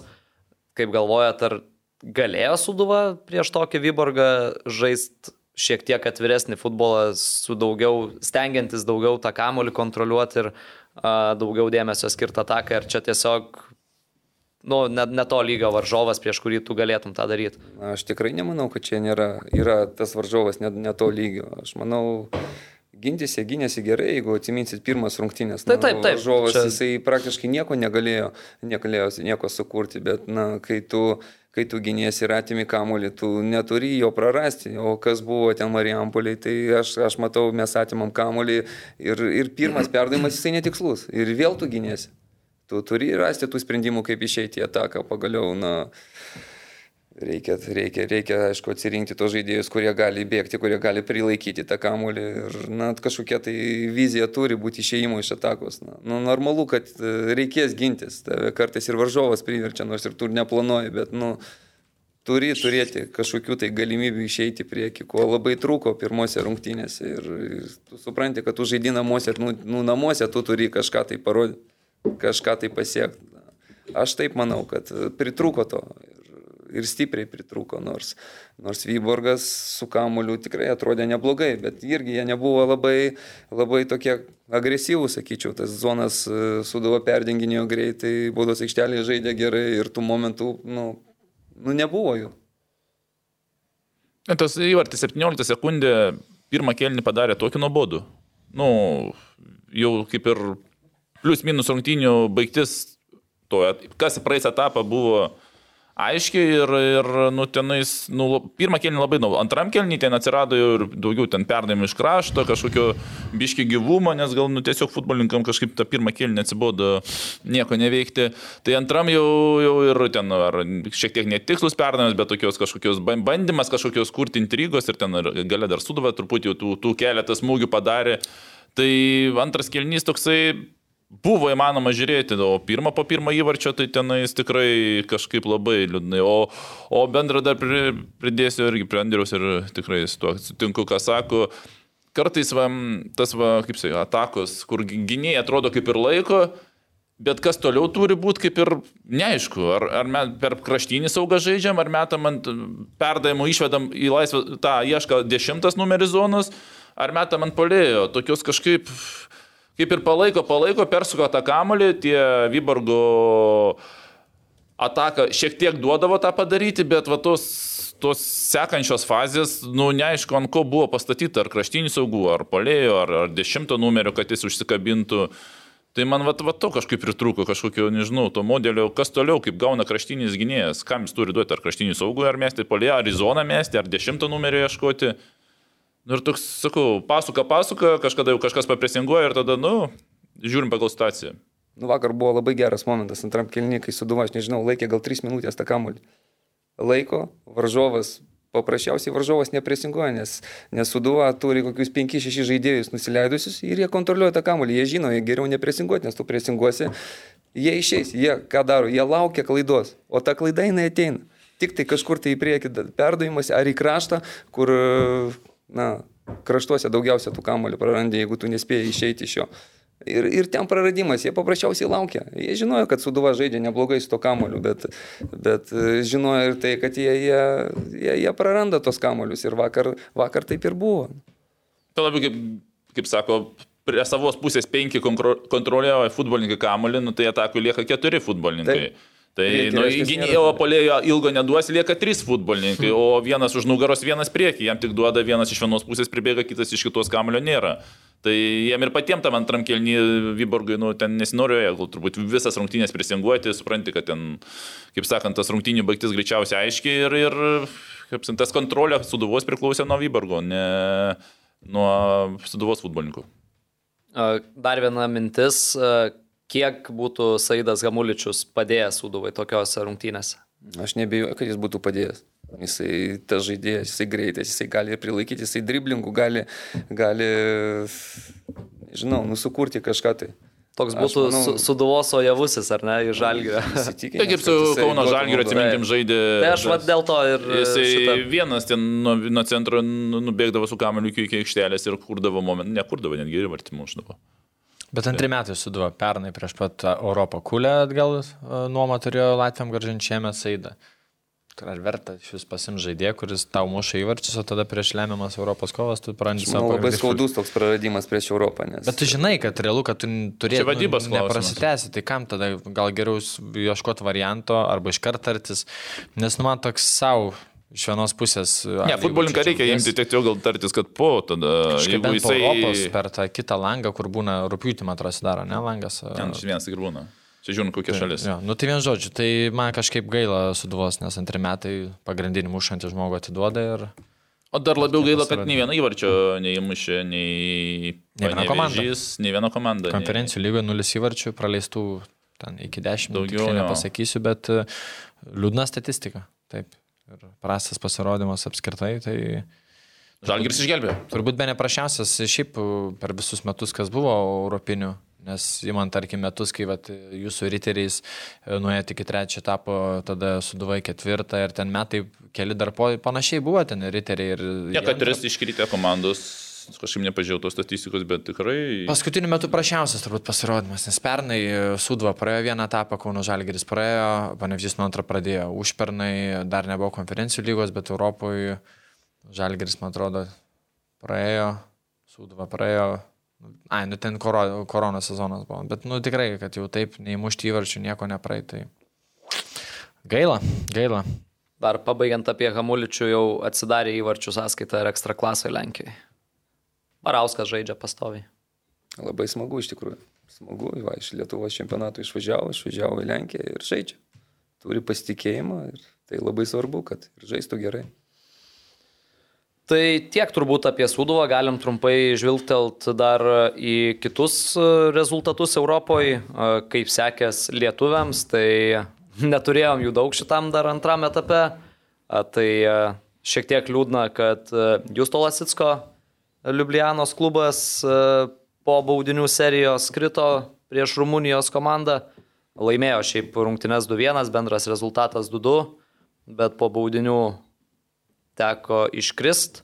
Šiaip e, gaila šiek tiek, kad e, pakeitė Lasitską ir nedalyvavo toj baudinių serijoje.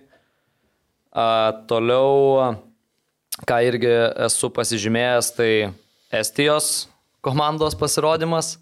Paidė prieš tai Pilisio Dinamo įveikė, dabar ir Armenijos Araratą sugebėjo praeiti po baudinių serijos. Tokie irgi dviejopi Estijos klubų pasirodymai. Levadija pernai metų čempionai pralaimėjo Hibernians iš Maltos. Tai toks irgi netikėtumas ir dabar tie patys Hibernians tenka trečiam konferencijų lygos etape RFS-ui, lietuviškajam. Daugiau kaip ir nelabai yra, turbūt, ką čia iš to antro konferencijų lygos atrankos etapo. Tai kalbėt. dar aš paminėsiu, kad e, praeitais metais e, Bušmanas Kauno Žalgirį žaidė su Kazakstano Kazalžaro praėjo Osieką. Ir Kuriam Topšagičių žaidžia?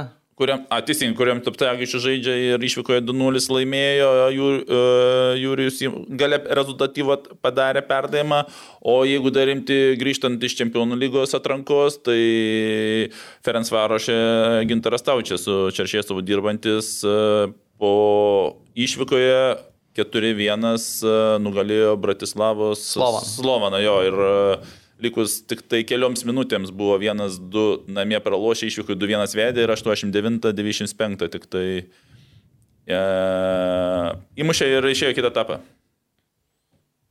Tai galim dar paminėti, kad nuo trečio etapo e, mūsų šiandien minėtas Valdas Dambrauskas pradeda savo kelionę konferencijų lygos atrankoj. E, Portugalų Vitorija Guimarães klubas. Kaip galvojat? Realu praeit? Tai aišku, kodėl ne. Na, tai čia Aš tikiu, Kroatijos stipri komanda. Bet šiaip kaip burtus paėmus, tai nėra, kad čia taip pasisekė irgi nuo trečio etapo gauti. Kai žinai, kas pateko kiek komandų trečią etapą, tai Portugalas gal nėra pats skaniausias saldainis. Ryga praėjo Ružomberoką, kuris Kauno Žalgrį išmetė, tai Ryga irgi su Portugalais trečiame etape. Tai Su visa... Uh, Jill Vincente, man atrodo. O pagal, pagal... Turėjo praeitį, ne, kaip Lukai tu kalbėjai su... Jo, su Pauliu Jekeliu šiek tiek kalbėjau ir šiaip Jekelis ir socialiniuose tinkluose rašė, tai ten Ryga buvo geresnė komanda žymiai už Žamberoką. aš vas su Ružambero komaikė, tai... Aš galvoju, kad aš per maikę, mikrofonas išstojo. kažkur tai, ne? Tai va. Tai e, turbūt tiek, mes padarom trumpą pauzę, Andrius Kerla jau paleisim, nes e, turi važiuoti, mes dar šiek tiek e, pasiliksim pakalbėti apie Lietuvos futbolo federacijos e, reikalus, tai ačiū Andriui.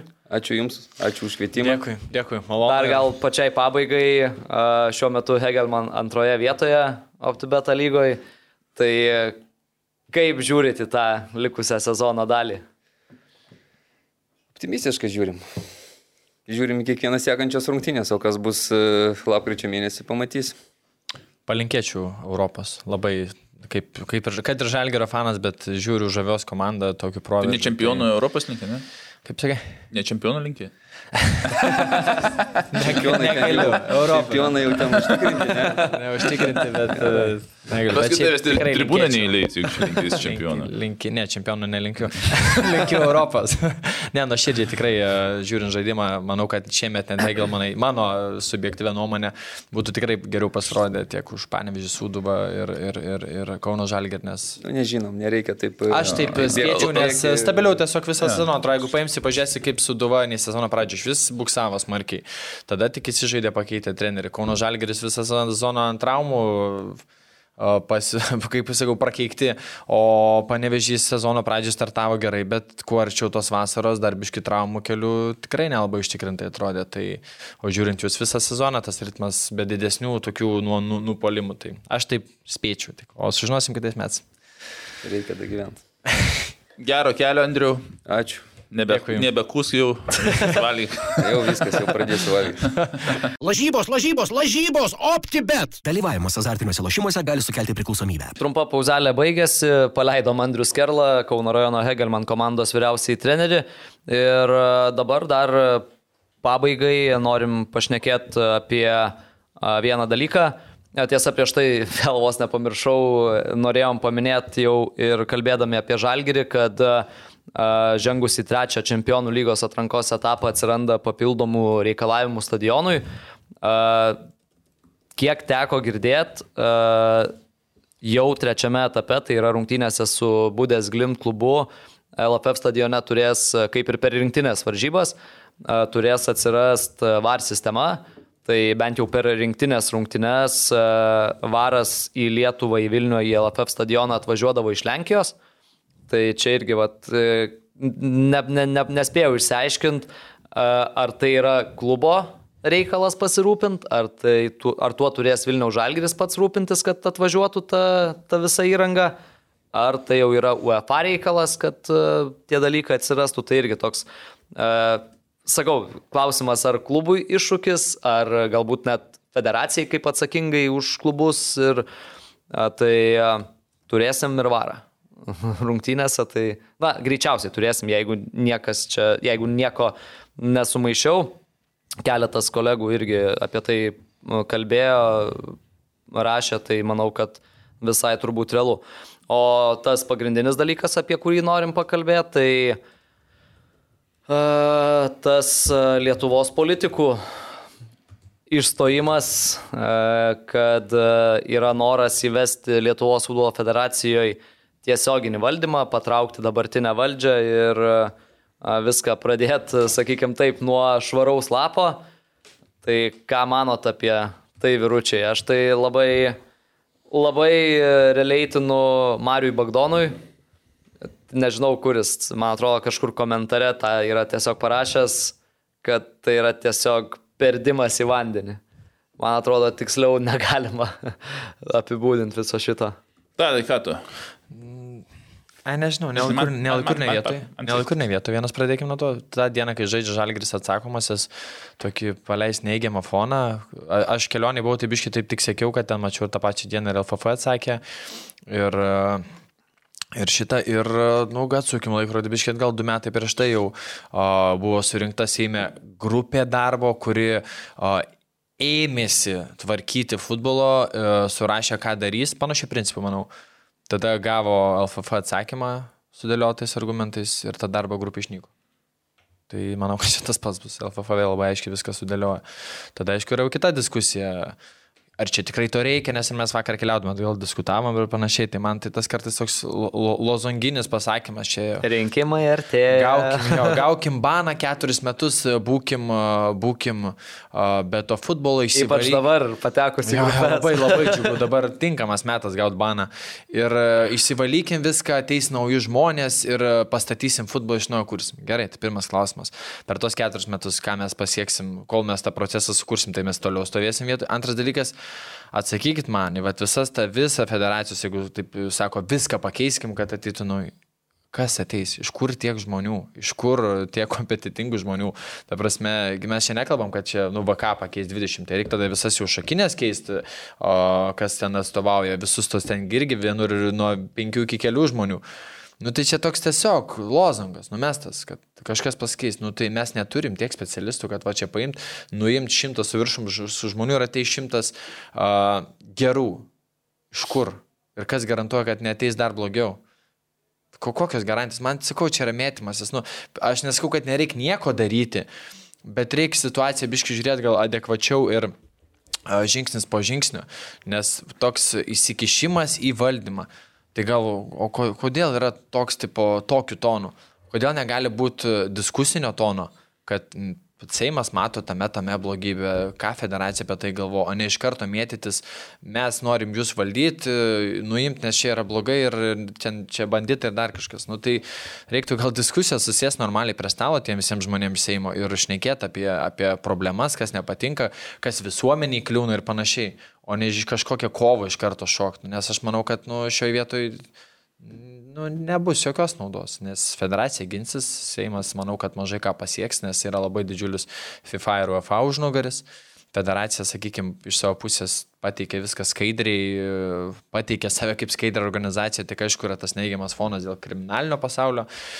Bet jis visą laiką buvo aplink federaciją, visus 32 metus nepriklausomybės, visą laiką buvo kriminalas aplink. Būtent, man atrodo, kad e, esminis dalykas, prie ko turbūt labiausiai būtų galima kipti, jeigu tai būtų, tai finansinės kažkokios, ar ne, finansinės skaidrumai, bet federacija jau eilę metų viešai tas savo ataskaitas teikia, atsiskaito vyriausybėje, atsiskaito FIFA, UEFA viskas balto ant juodo, juodo ant balto uh, surašyta ir iš šitos pusės, nu, niekaip neprikipsi. Uh, Lietuv pagal, pagal įstatymus uh, visi tie VK nariai, visi federacijos darbuotojai irgi nu, atitinka. Ta prasme, nėra nei vieno, kuris dirbtų negalėdamas to dirbti. Tai čia irgi dabar galvoju, galbūt Ervinas Kvitkauskas įvarčio laidoj kalbėjo, nu dabar tiksliai bijau sumeluot, kad, nu tai jeigu netinka, tai tada pakeiskit įstatymų sporto, kad e, ten kažkada praeitie teistas ten negali būti, tarkim, va, fut, e, kažkokios federacijos e, darbuotojų narių ir panašiai. Nu tai pradėkit tada nuo to, ne čia pakeisim valdymą, nuimsim tiesiogiai. Tas vėlgi, kad uh, norim įtraukti daugiau klubų. Nu jo, gal ir norėtųsi, bet kai tu pagalvoji, nu tai vis tiek kažkuria prasme tie klubai dalyvauja tame, renka tas šakinių asociacijų, šakinių federacijų vadovus, kas renka? Renka klubai, renka akademijos, renka uh, veteranai ten ir taip toliau. Nu, tai čia ką, ką ir Edgaras Tankievičius sakė, nu, tai sako, mes gaunam tai, ką išsirenka tos šakinės asociacijos federacija. Aišku, ten yra kabliukų viską, bet taip bent ne, nu, yra. Politikai mes, politikuoja. Visi žino ne, apie tuos. E, kabliukus, bet, nu, o kaip, kaip vyriausybė tą įrodys? Nu, kitas dalykas, man patinka tas ne, neįsigilinimas apskritai mūsų valdžios ir tos pačios švietimo ministrės žiemą ten pareiškimai apie visą ten tą užlipimą ant senos e, pukelio ir, ir panašiai. Bet kad, nu, jie patys nežino tam tikrų dalykų, kad, vat, kaip ir sakai, pakeista. Tai galit jūs nustatyti, kad būtų tokia tokia tvarka. Patys skiria finansavimą, sako, neskirsim, ką tik pati pasirašys tą finansavimą. Jie netitinka reikalavimų, tai jeigu jie netitiktų reikalavimų, jie negalėtų gauti finansavimo. No. Nu, tai toks iškritimas iš medžio ir aš ten esu girdėjęs tokių pareiškimų, pavyzdžiui, tos pačios švietimo ministrės, kad kai buvo minčių, kad, nu, kalbu, kad jau LFF stadioną parduosim. LFF parduos ir gali nebūtinai nusipirkti klubas, gali kažkokie, nežinau, Haneris nusipirkti ir pastatyti ten pagal tai, ką leis archi, architektai, nežinau, ofisus ir daugiabučių dalį, žinai. Ir kad Vilnius lieka be normalų stadiono. Tai buvo pasiūlymų. Tai nieko, Kaune pastatys, galės Vilnius komandos Kaune žaisti. Tai apie kokį adekvatumą mes šnekam. Ta prasme, nu, politikavimas nieko daugiau ir labai nelaiku ir vietų. Ir neskaniai ir dabar vadžalį grįžėjai į tą grupės, tai šitas klausimas net ne, negali būti svarstamas apie kažkokius gavimus, bano ar dar kažko. Aš tai norėčiau normalios suaugusių žmonių diskusijos, o ne svaišyjimaisis vieni kitiem. Aišku, visi suprantam, kad kame yra esminės problemos dvi pavardės esančios tarp, tarp visų, visų dalyvių ir visiems tas labiausiai kliūna. Nes darbą tu vis laik gali vertinti, žinai, kažkas dirba blogai, gerai, bet nu, čia jau kompetencijų klausimas ir čia nėra vieno žmogus, bet visiems tas emocinis fondas, fonas labiausiai trukdo. Ne, tai aš sakyčiau, pirmas dalykas, kad nesuprantama, kodėl ten ta data buvo pasirinkta, kažkaip, nu, galėjo tinkamesnį rasti, kažkada kažkas kaip atsitinka, ar kažkoks sandalas, sakykime. Uh, Arba kuri... čia, kai ar nekalbėjom, tarkim, nelaimėjęs Baltijos turė, nelaimėjęs. Nu, kaip, pavyzdžiui, iškelti D divizioną ar nelaimėjai Baltijos, ten viskas ten. Nu, tada jau gale, Douglas ar ne viskas. Arba dar anksčiau susirasti tą laiką, nu, kažkaip dar tą rungtinių dieną Žalgirio, nu, visiškai data nei tema. Antras dalykas, kažkaip, nu, labai standartiniam frazėm ten viskas buvo. Tuo ta kažkokių neįsigilinusių situacijų. Aš suprantu, ten sėdi tie kiti, kur ta, ta, tam posėdėje iš kitų sporto šakų. Ir, ir to pačiu sako, ir aš, aš tą patį žinau, ten, sakau, kitas federacijas, ten, kur dziudo yra ir bokso, man dziudo labiau tenais, kur žymiai daugiau narių turinti uh, kaip čia, asociacija, jie nėra kažkur pripažinti, nors jau visi išėję. Ir dabar, nu, sugalvojo eiti prie futbolo, aišku, tai yra populiaresnė sporto šaka, daugiau tenais tų susidomėjimo, ypač tos prieš šitos rinkimus, tai tų problemų tose federacijose lygiai taip pat jų yra. Ir dėl to į tokius banalius klausimus, e, tokius ne, ne, ne klausimus priekaištus arba kažką galim, na, Edgaras Tankievičiui, nu, ten buvo lengvas atsišaudyti, ten visiškai, ta prasme, ką jisai sakė, aš pats sėdėdamas vienas prie vieno į kiekvieną argumentą, jo taip pat atsakyčiau. Taip, kad uh, tuose įstatuose ten yra tų kai kurių dalykų, kur aš jau ne, ne kartą esu minėjęs, sakykime, ir kalbėjęs. Nu, ten kabinosi prie to vėl, kur čia neseniai kalbėjom irgi mes apie tą kadencijų uh, anuliavimą senesnių, ar ne? Nu, jo, bet čia, čia jie kabinasi prie to, kad, nu, sakykime, man iš, iš principo jie LFF dauguma pagal UEFA yra tuos, ar FIFA tenais tuos visus standartus jie, jie padaryti ir, ir tu sistema, pavyzdžiui, ten įma Lenkijos, kad, nu, viena dirba Lenkijos sistema, Lietuva kita, nu, tai yra keletos sistemų, nedirba visas pasaulis pagal vieną sistemą vadovavimo, pirmas dalykas. Antras dalykas, Tuo standartinė ta banaliausia, kad klubų turi daugiau būti. Nu, iš principo jo, bet uh, esmė yra tame, kad uh, aš kaip ir kažkuriam prieš tai podkastė minėjau, kad mūsų vykdomas ar tas pats sėjimas yra visuomenės atspindys, kaip sakiau, bus septyni normalūs, du gerintis, vienas vogiantis, vag, vagiantis. Tai ir, ir Seime bus, ir LFF federacijų bus tas pats, ir, ir, ir, ir jie visur. Todėl mes neaišku, iš kur, iš kur jų, jų paimsim, pirmas dalykas. Antras dalykas, jo, antras dalykas kurį, dėl, kurią aš sakiau ir dar pasikartosiu po kažkiek laiko, kuris, kuris sakykime, Mano mintis yra, kad ko įstatuose, kas yra blogai, tai yra nesudaroma iš dalies konkurencija. Aš turiu menį uh, savo situaciją, kai geriau dirbanti asociacija, daugiau narių turinti, neturi šansų patekti į, į, arba, į federacijos valdymą. Taip. Nes yra žaidėjų asociacija, jiems nereikia kritikuoti, aš žiūrėjau įstatus, pagal ką jos gali išmesti. Tai, kad jie nedirba, jų negali išmesti. Jiems reikia arba kritikuoti, arba neetiškai elgtis, ar ten dar yra vienas punktas, jei neklystu. Mhm. Tai iš principo tiesiog yra uždara, kad, sakykime, situacija tu negali įeiti su turėdamas geresnę asociaciją, geresnį, geresnį darbą. Tu ne, taip nesukursi ten A lygos naujos, ten salės futbolo, bet toje vietoje Manau, kad įstatai turėtų keistis ir va tokiuose, kur asociacijos, kur galbūt gali atsirasti konkurencija, ji turėtų būti pakeičiama. Ir, sakau, kalbėjau ir su, su ir vadovais, ir su vykdomo komiteto nariais, nu, dažniausiai atsakymas būna, tai čia iš anksčiau jie atsirado ir dabar čia labai sunku juos juos yra pašalinti iš, iš to. Tai va, man va, man va šitas, sakykime, va toks, va, kur nu, niekas nepasigavo, tai kad nu, nėra konkurencijos, kaip tu galėtum mhm. pakliūti. Va, va, va, tas va, man įstatuose būtina, aš manau, vienas iš dalykų, kuris turi būti keičiamas. Mano mintis apskritai, jeigu dar išplėsti labai trumpai tą temą, sakykime, savo poziciją. Tos asociacijos nei vykdomai, ne, ne apskritai jos neturi būti, nei, nei PFA neturi būti, nei tos žaidėjų asociacijos, jos, nes nėra Europoje tokio modelio kad asociacija būtų tam. Jie turi bendradarbiavimą daryti, federacija, bendrus projektus vykdyti, bet asociacijos iš vis nereikia jokios e, vykdomai. Taip, gali būti ten kažkaip, kažkaip galbūt.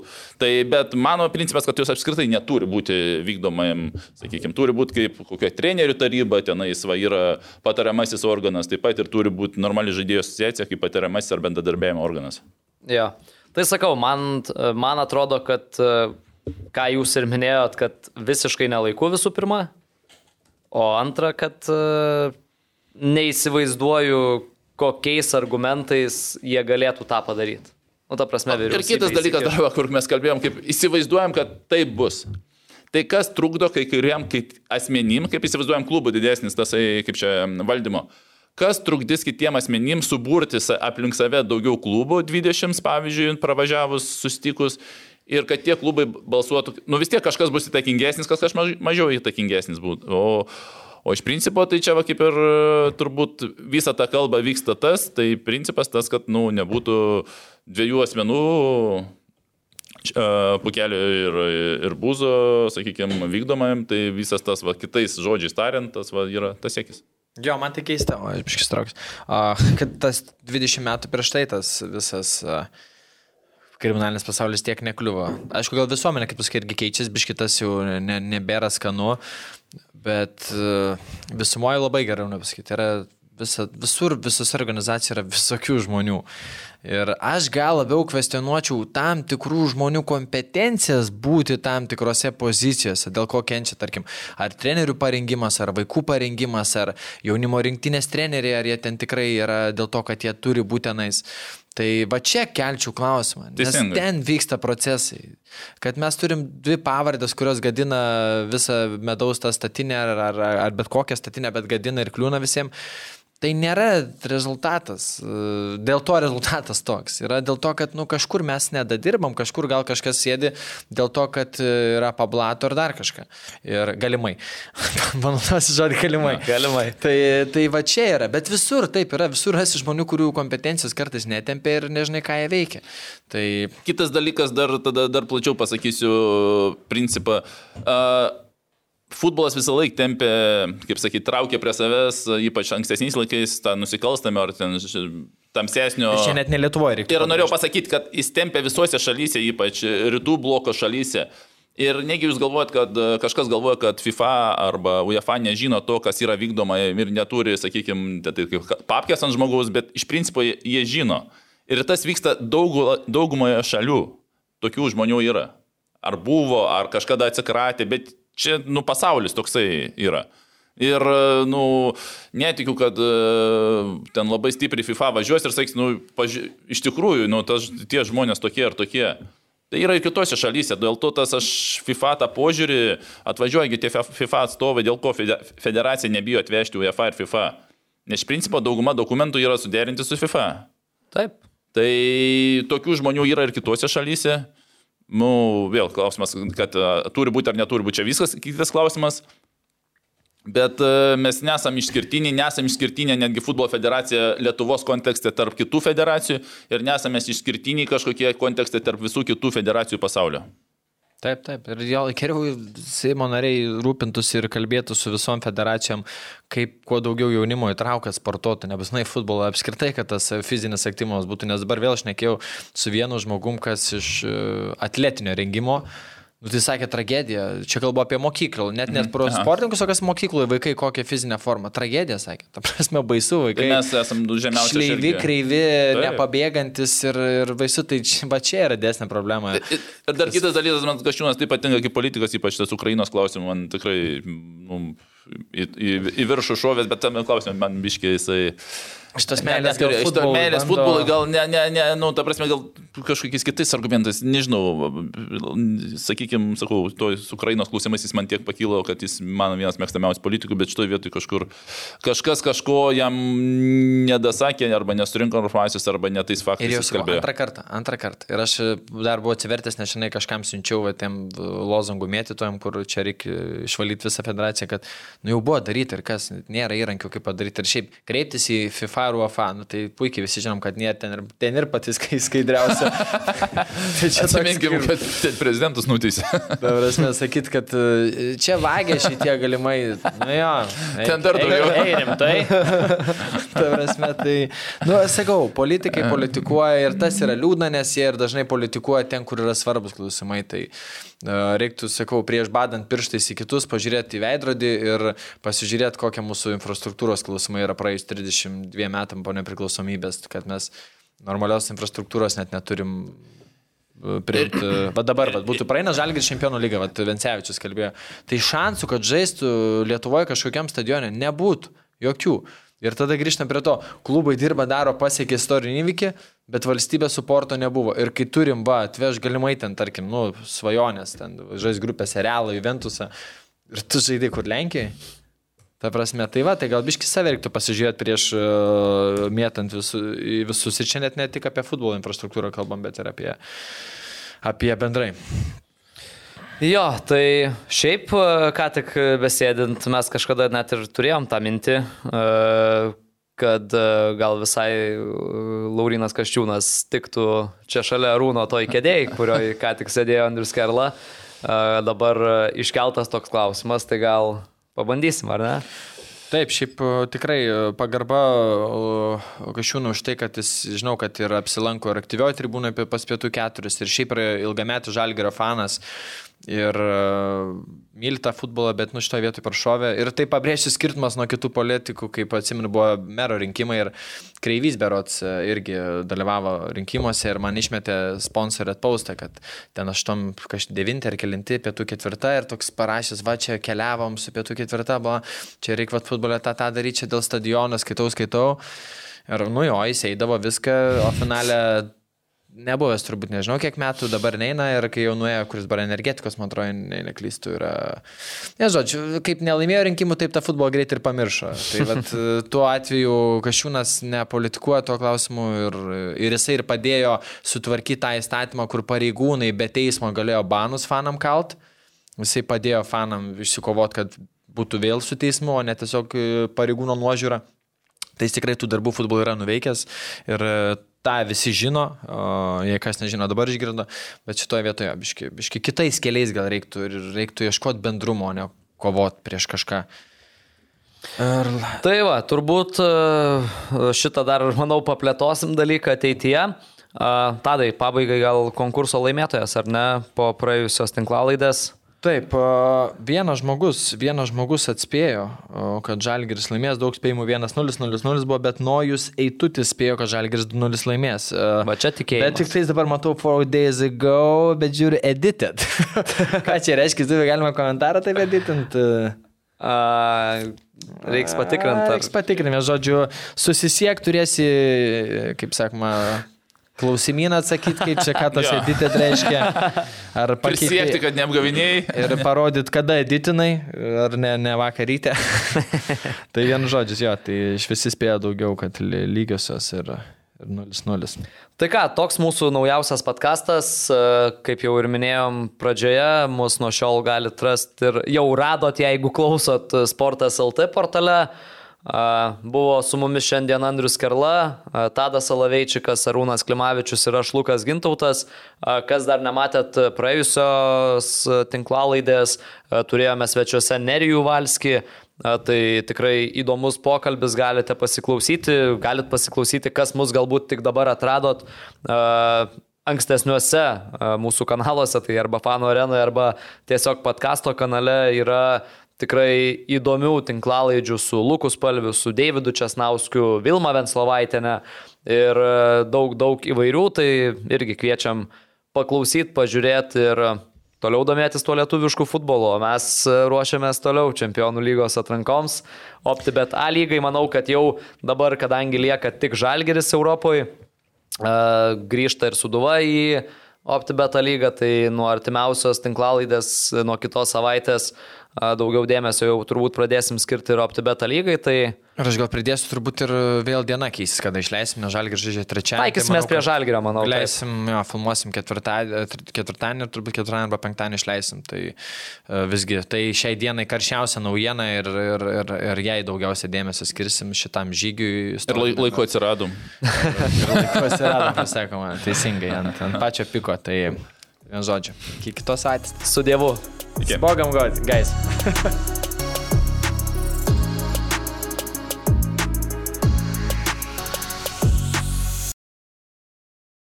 Lažybos, lažybos, lažybos, OptiBet. Dalyvavimas azartiniuose lošimuose gali sukelti priklausomybę.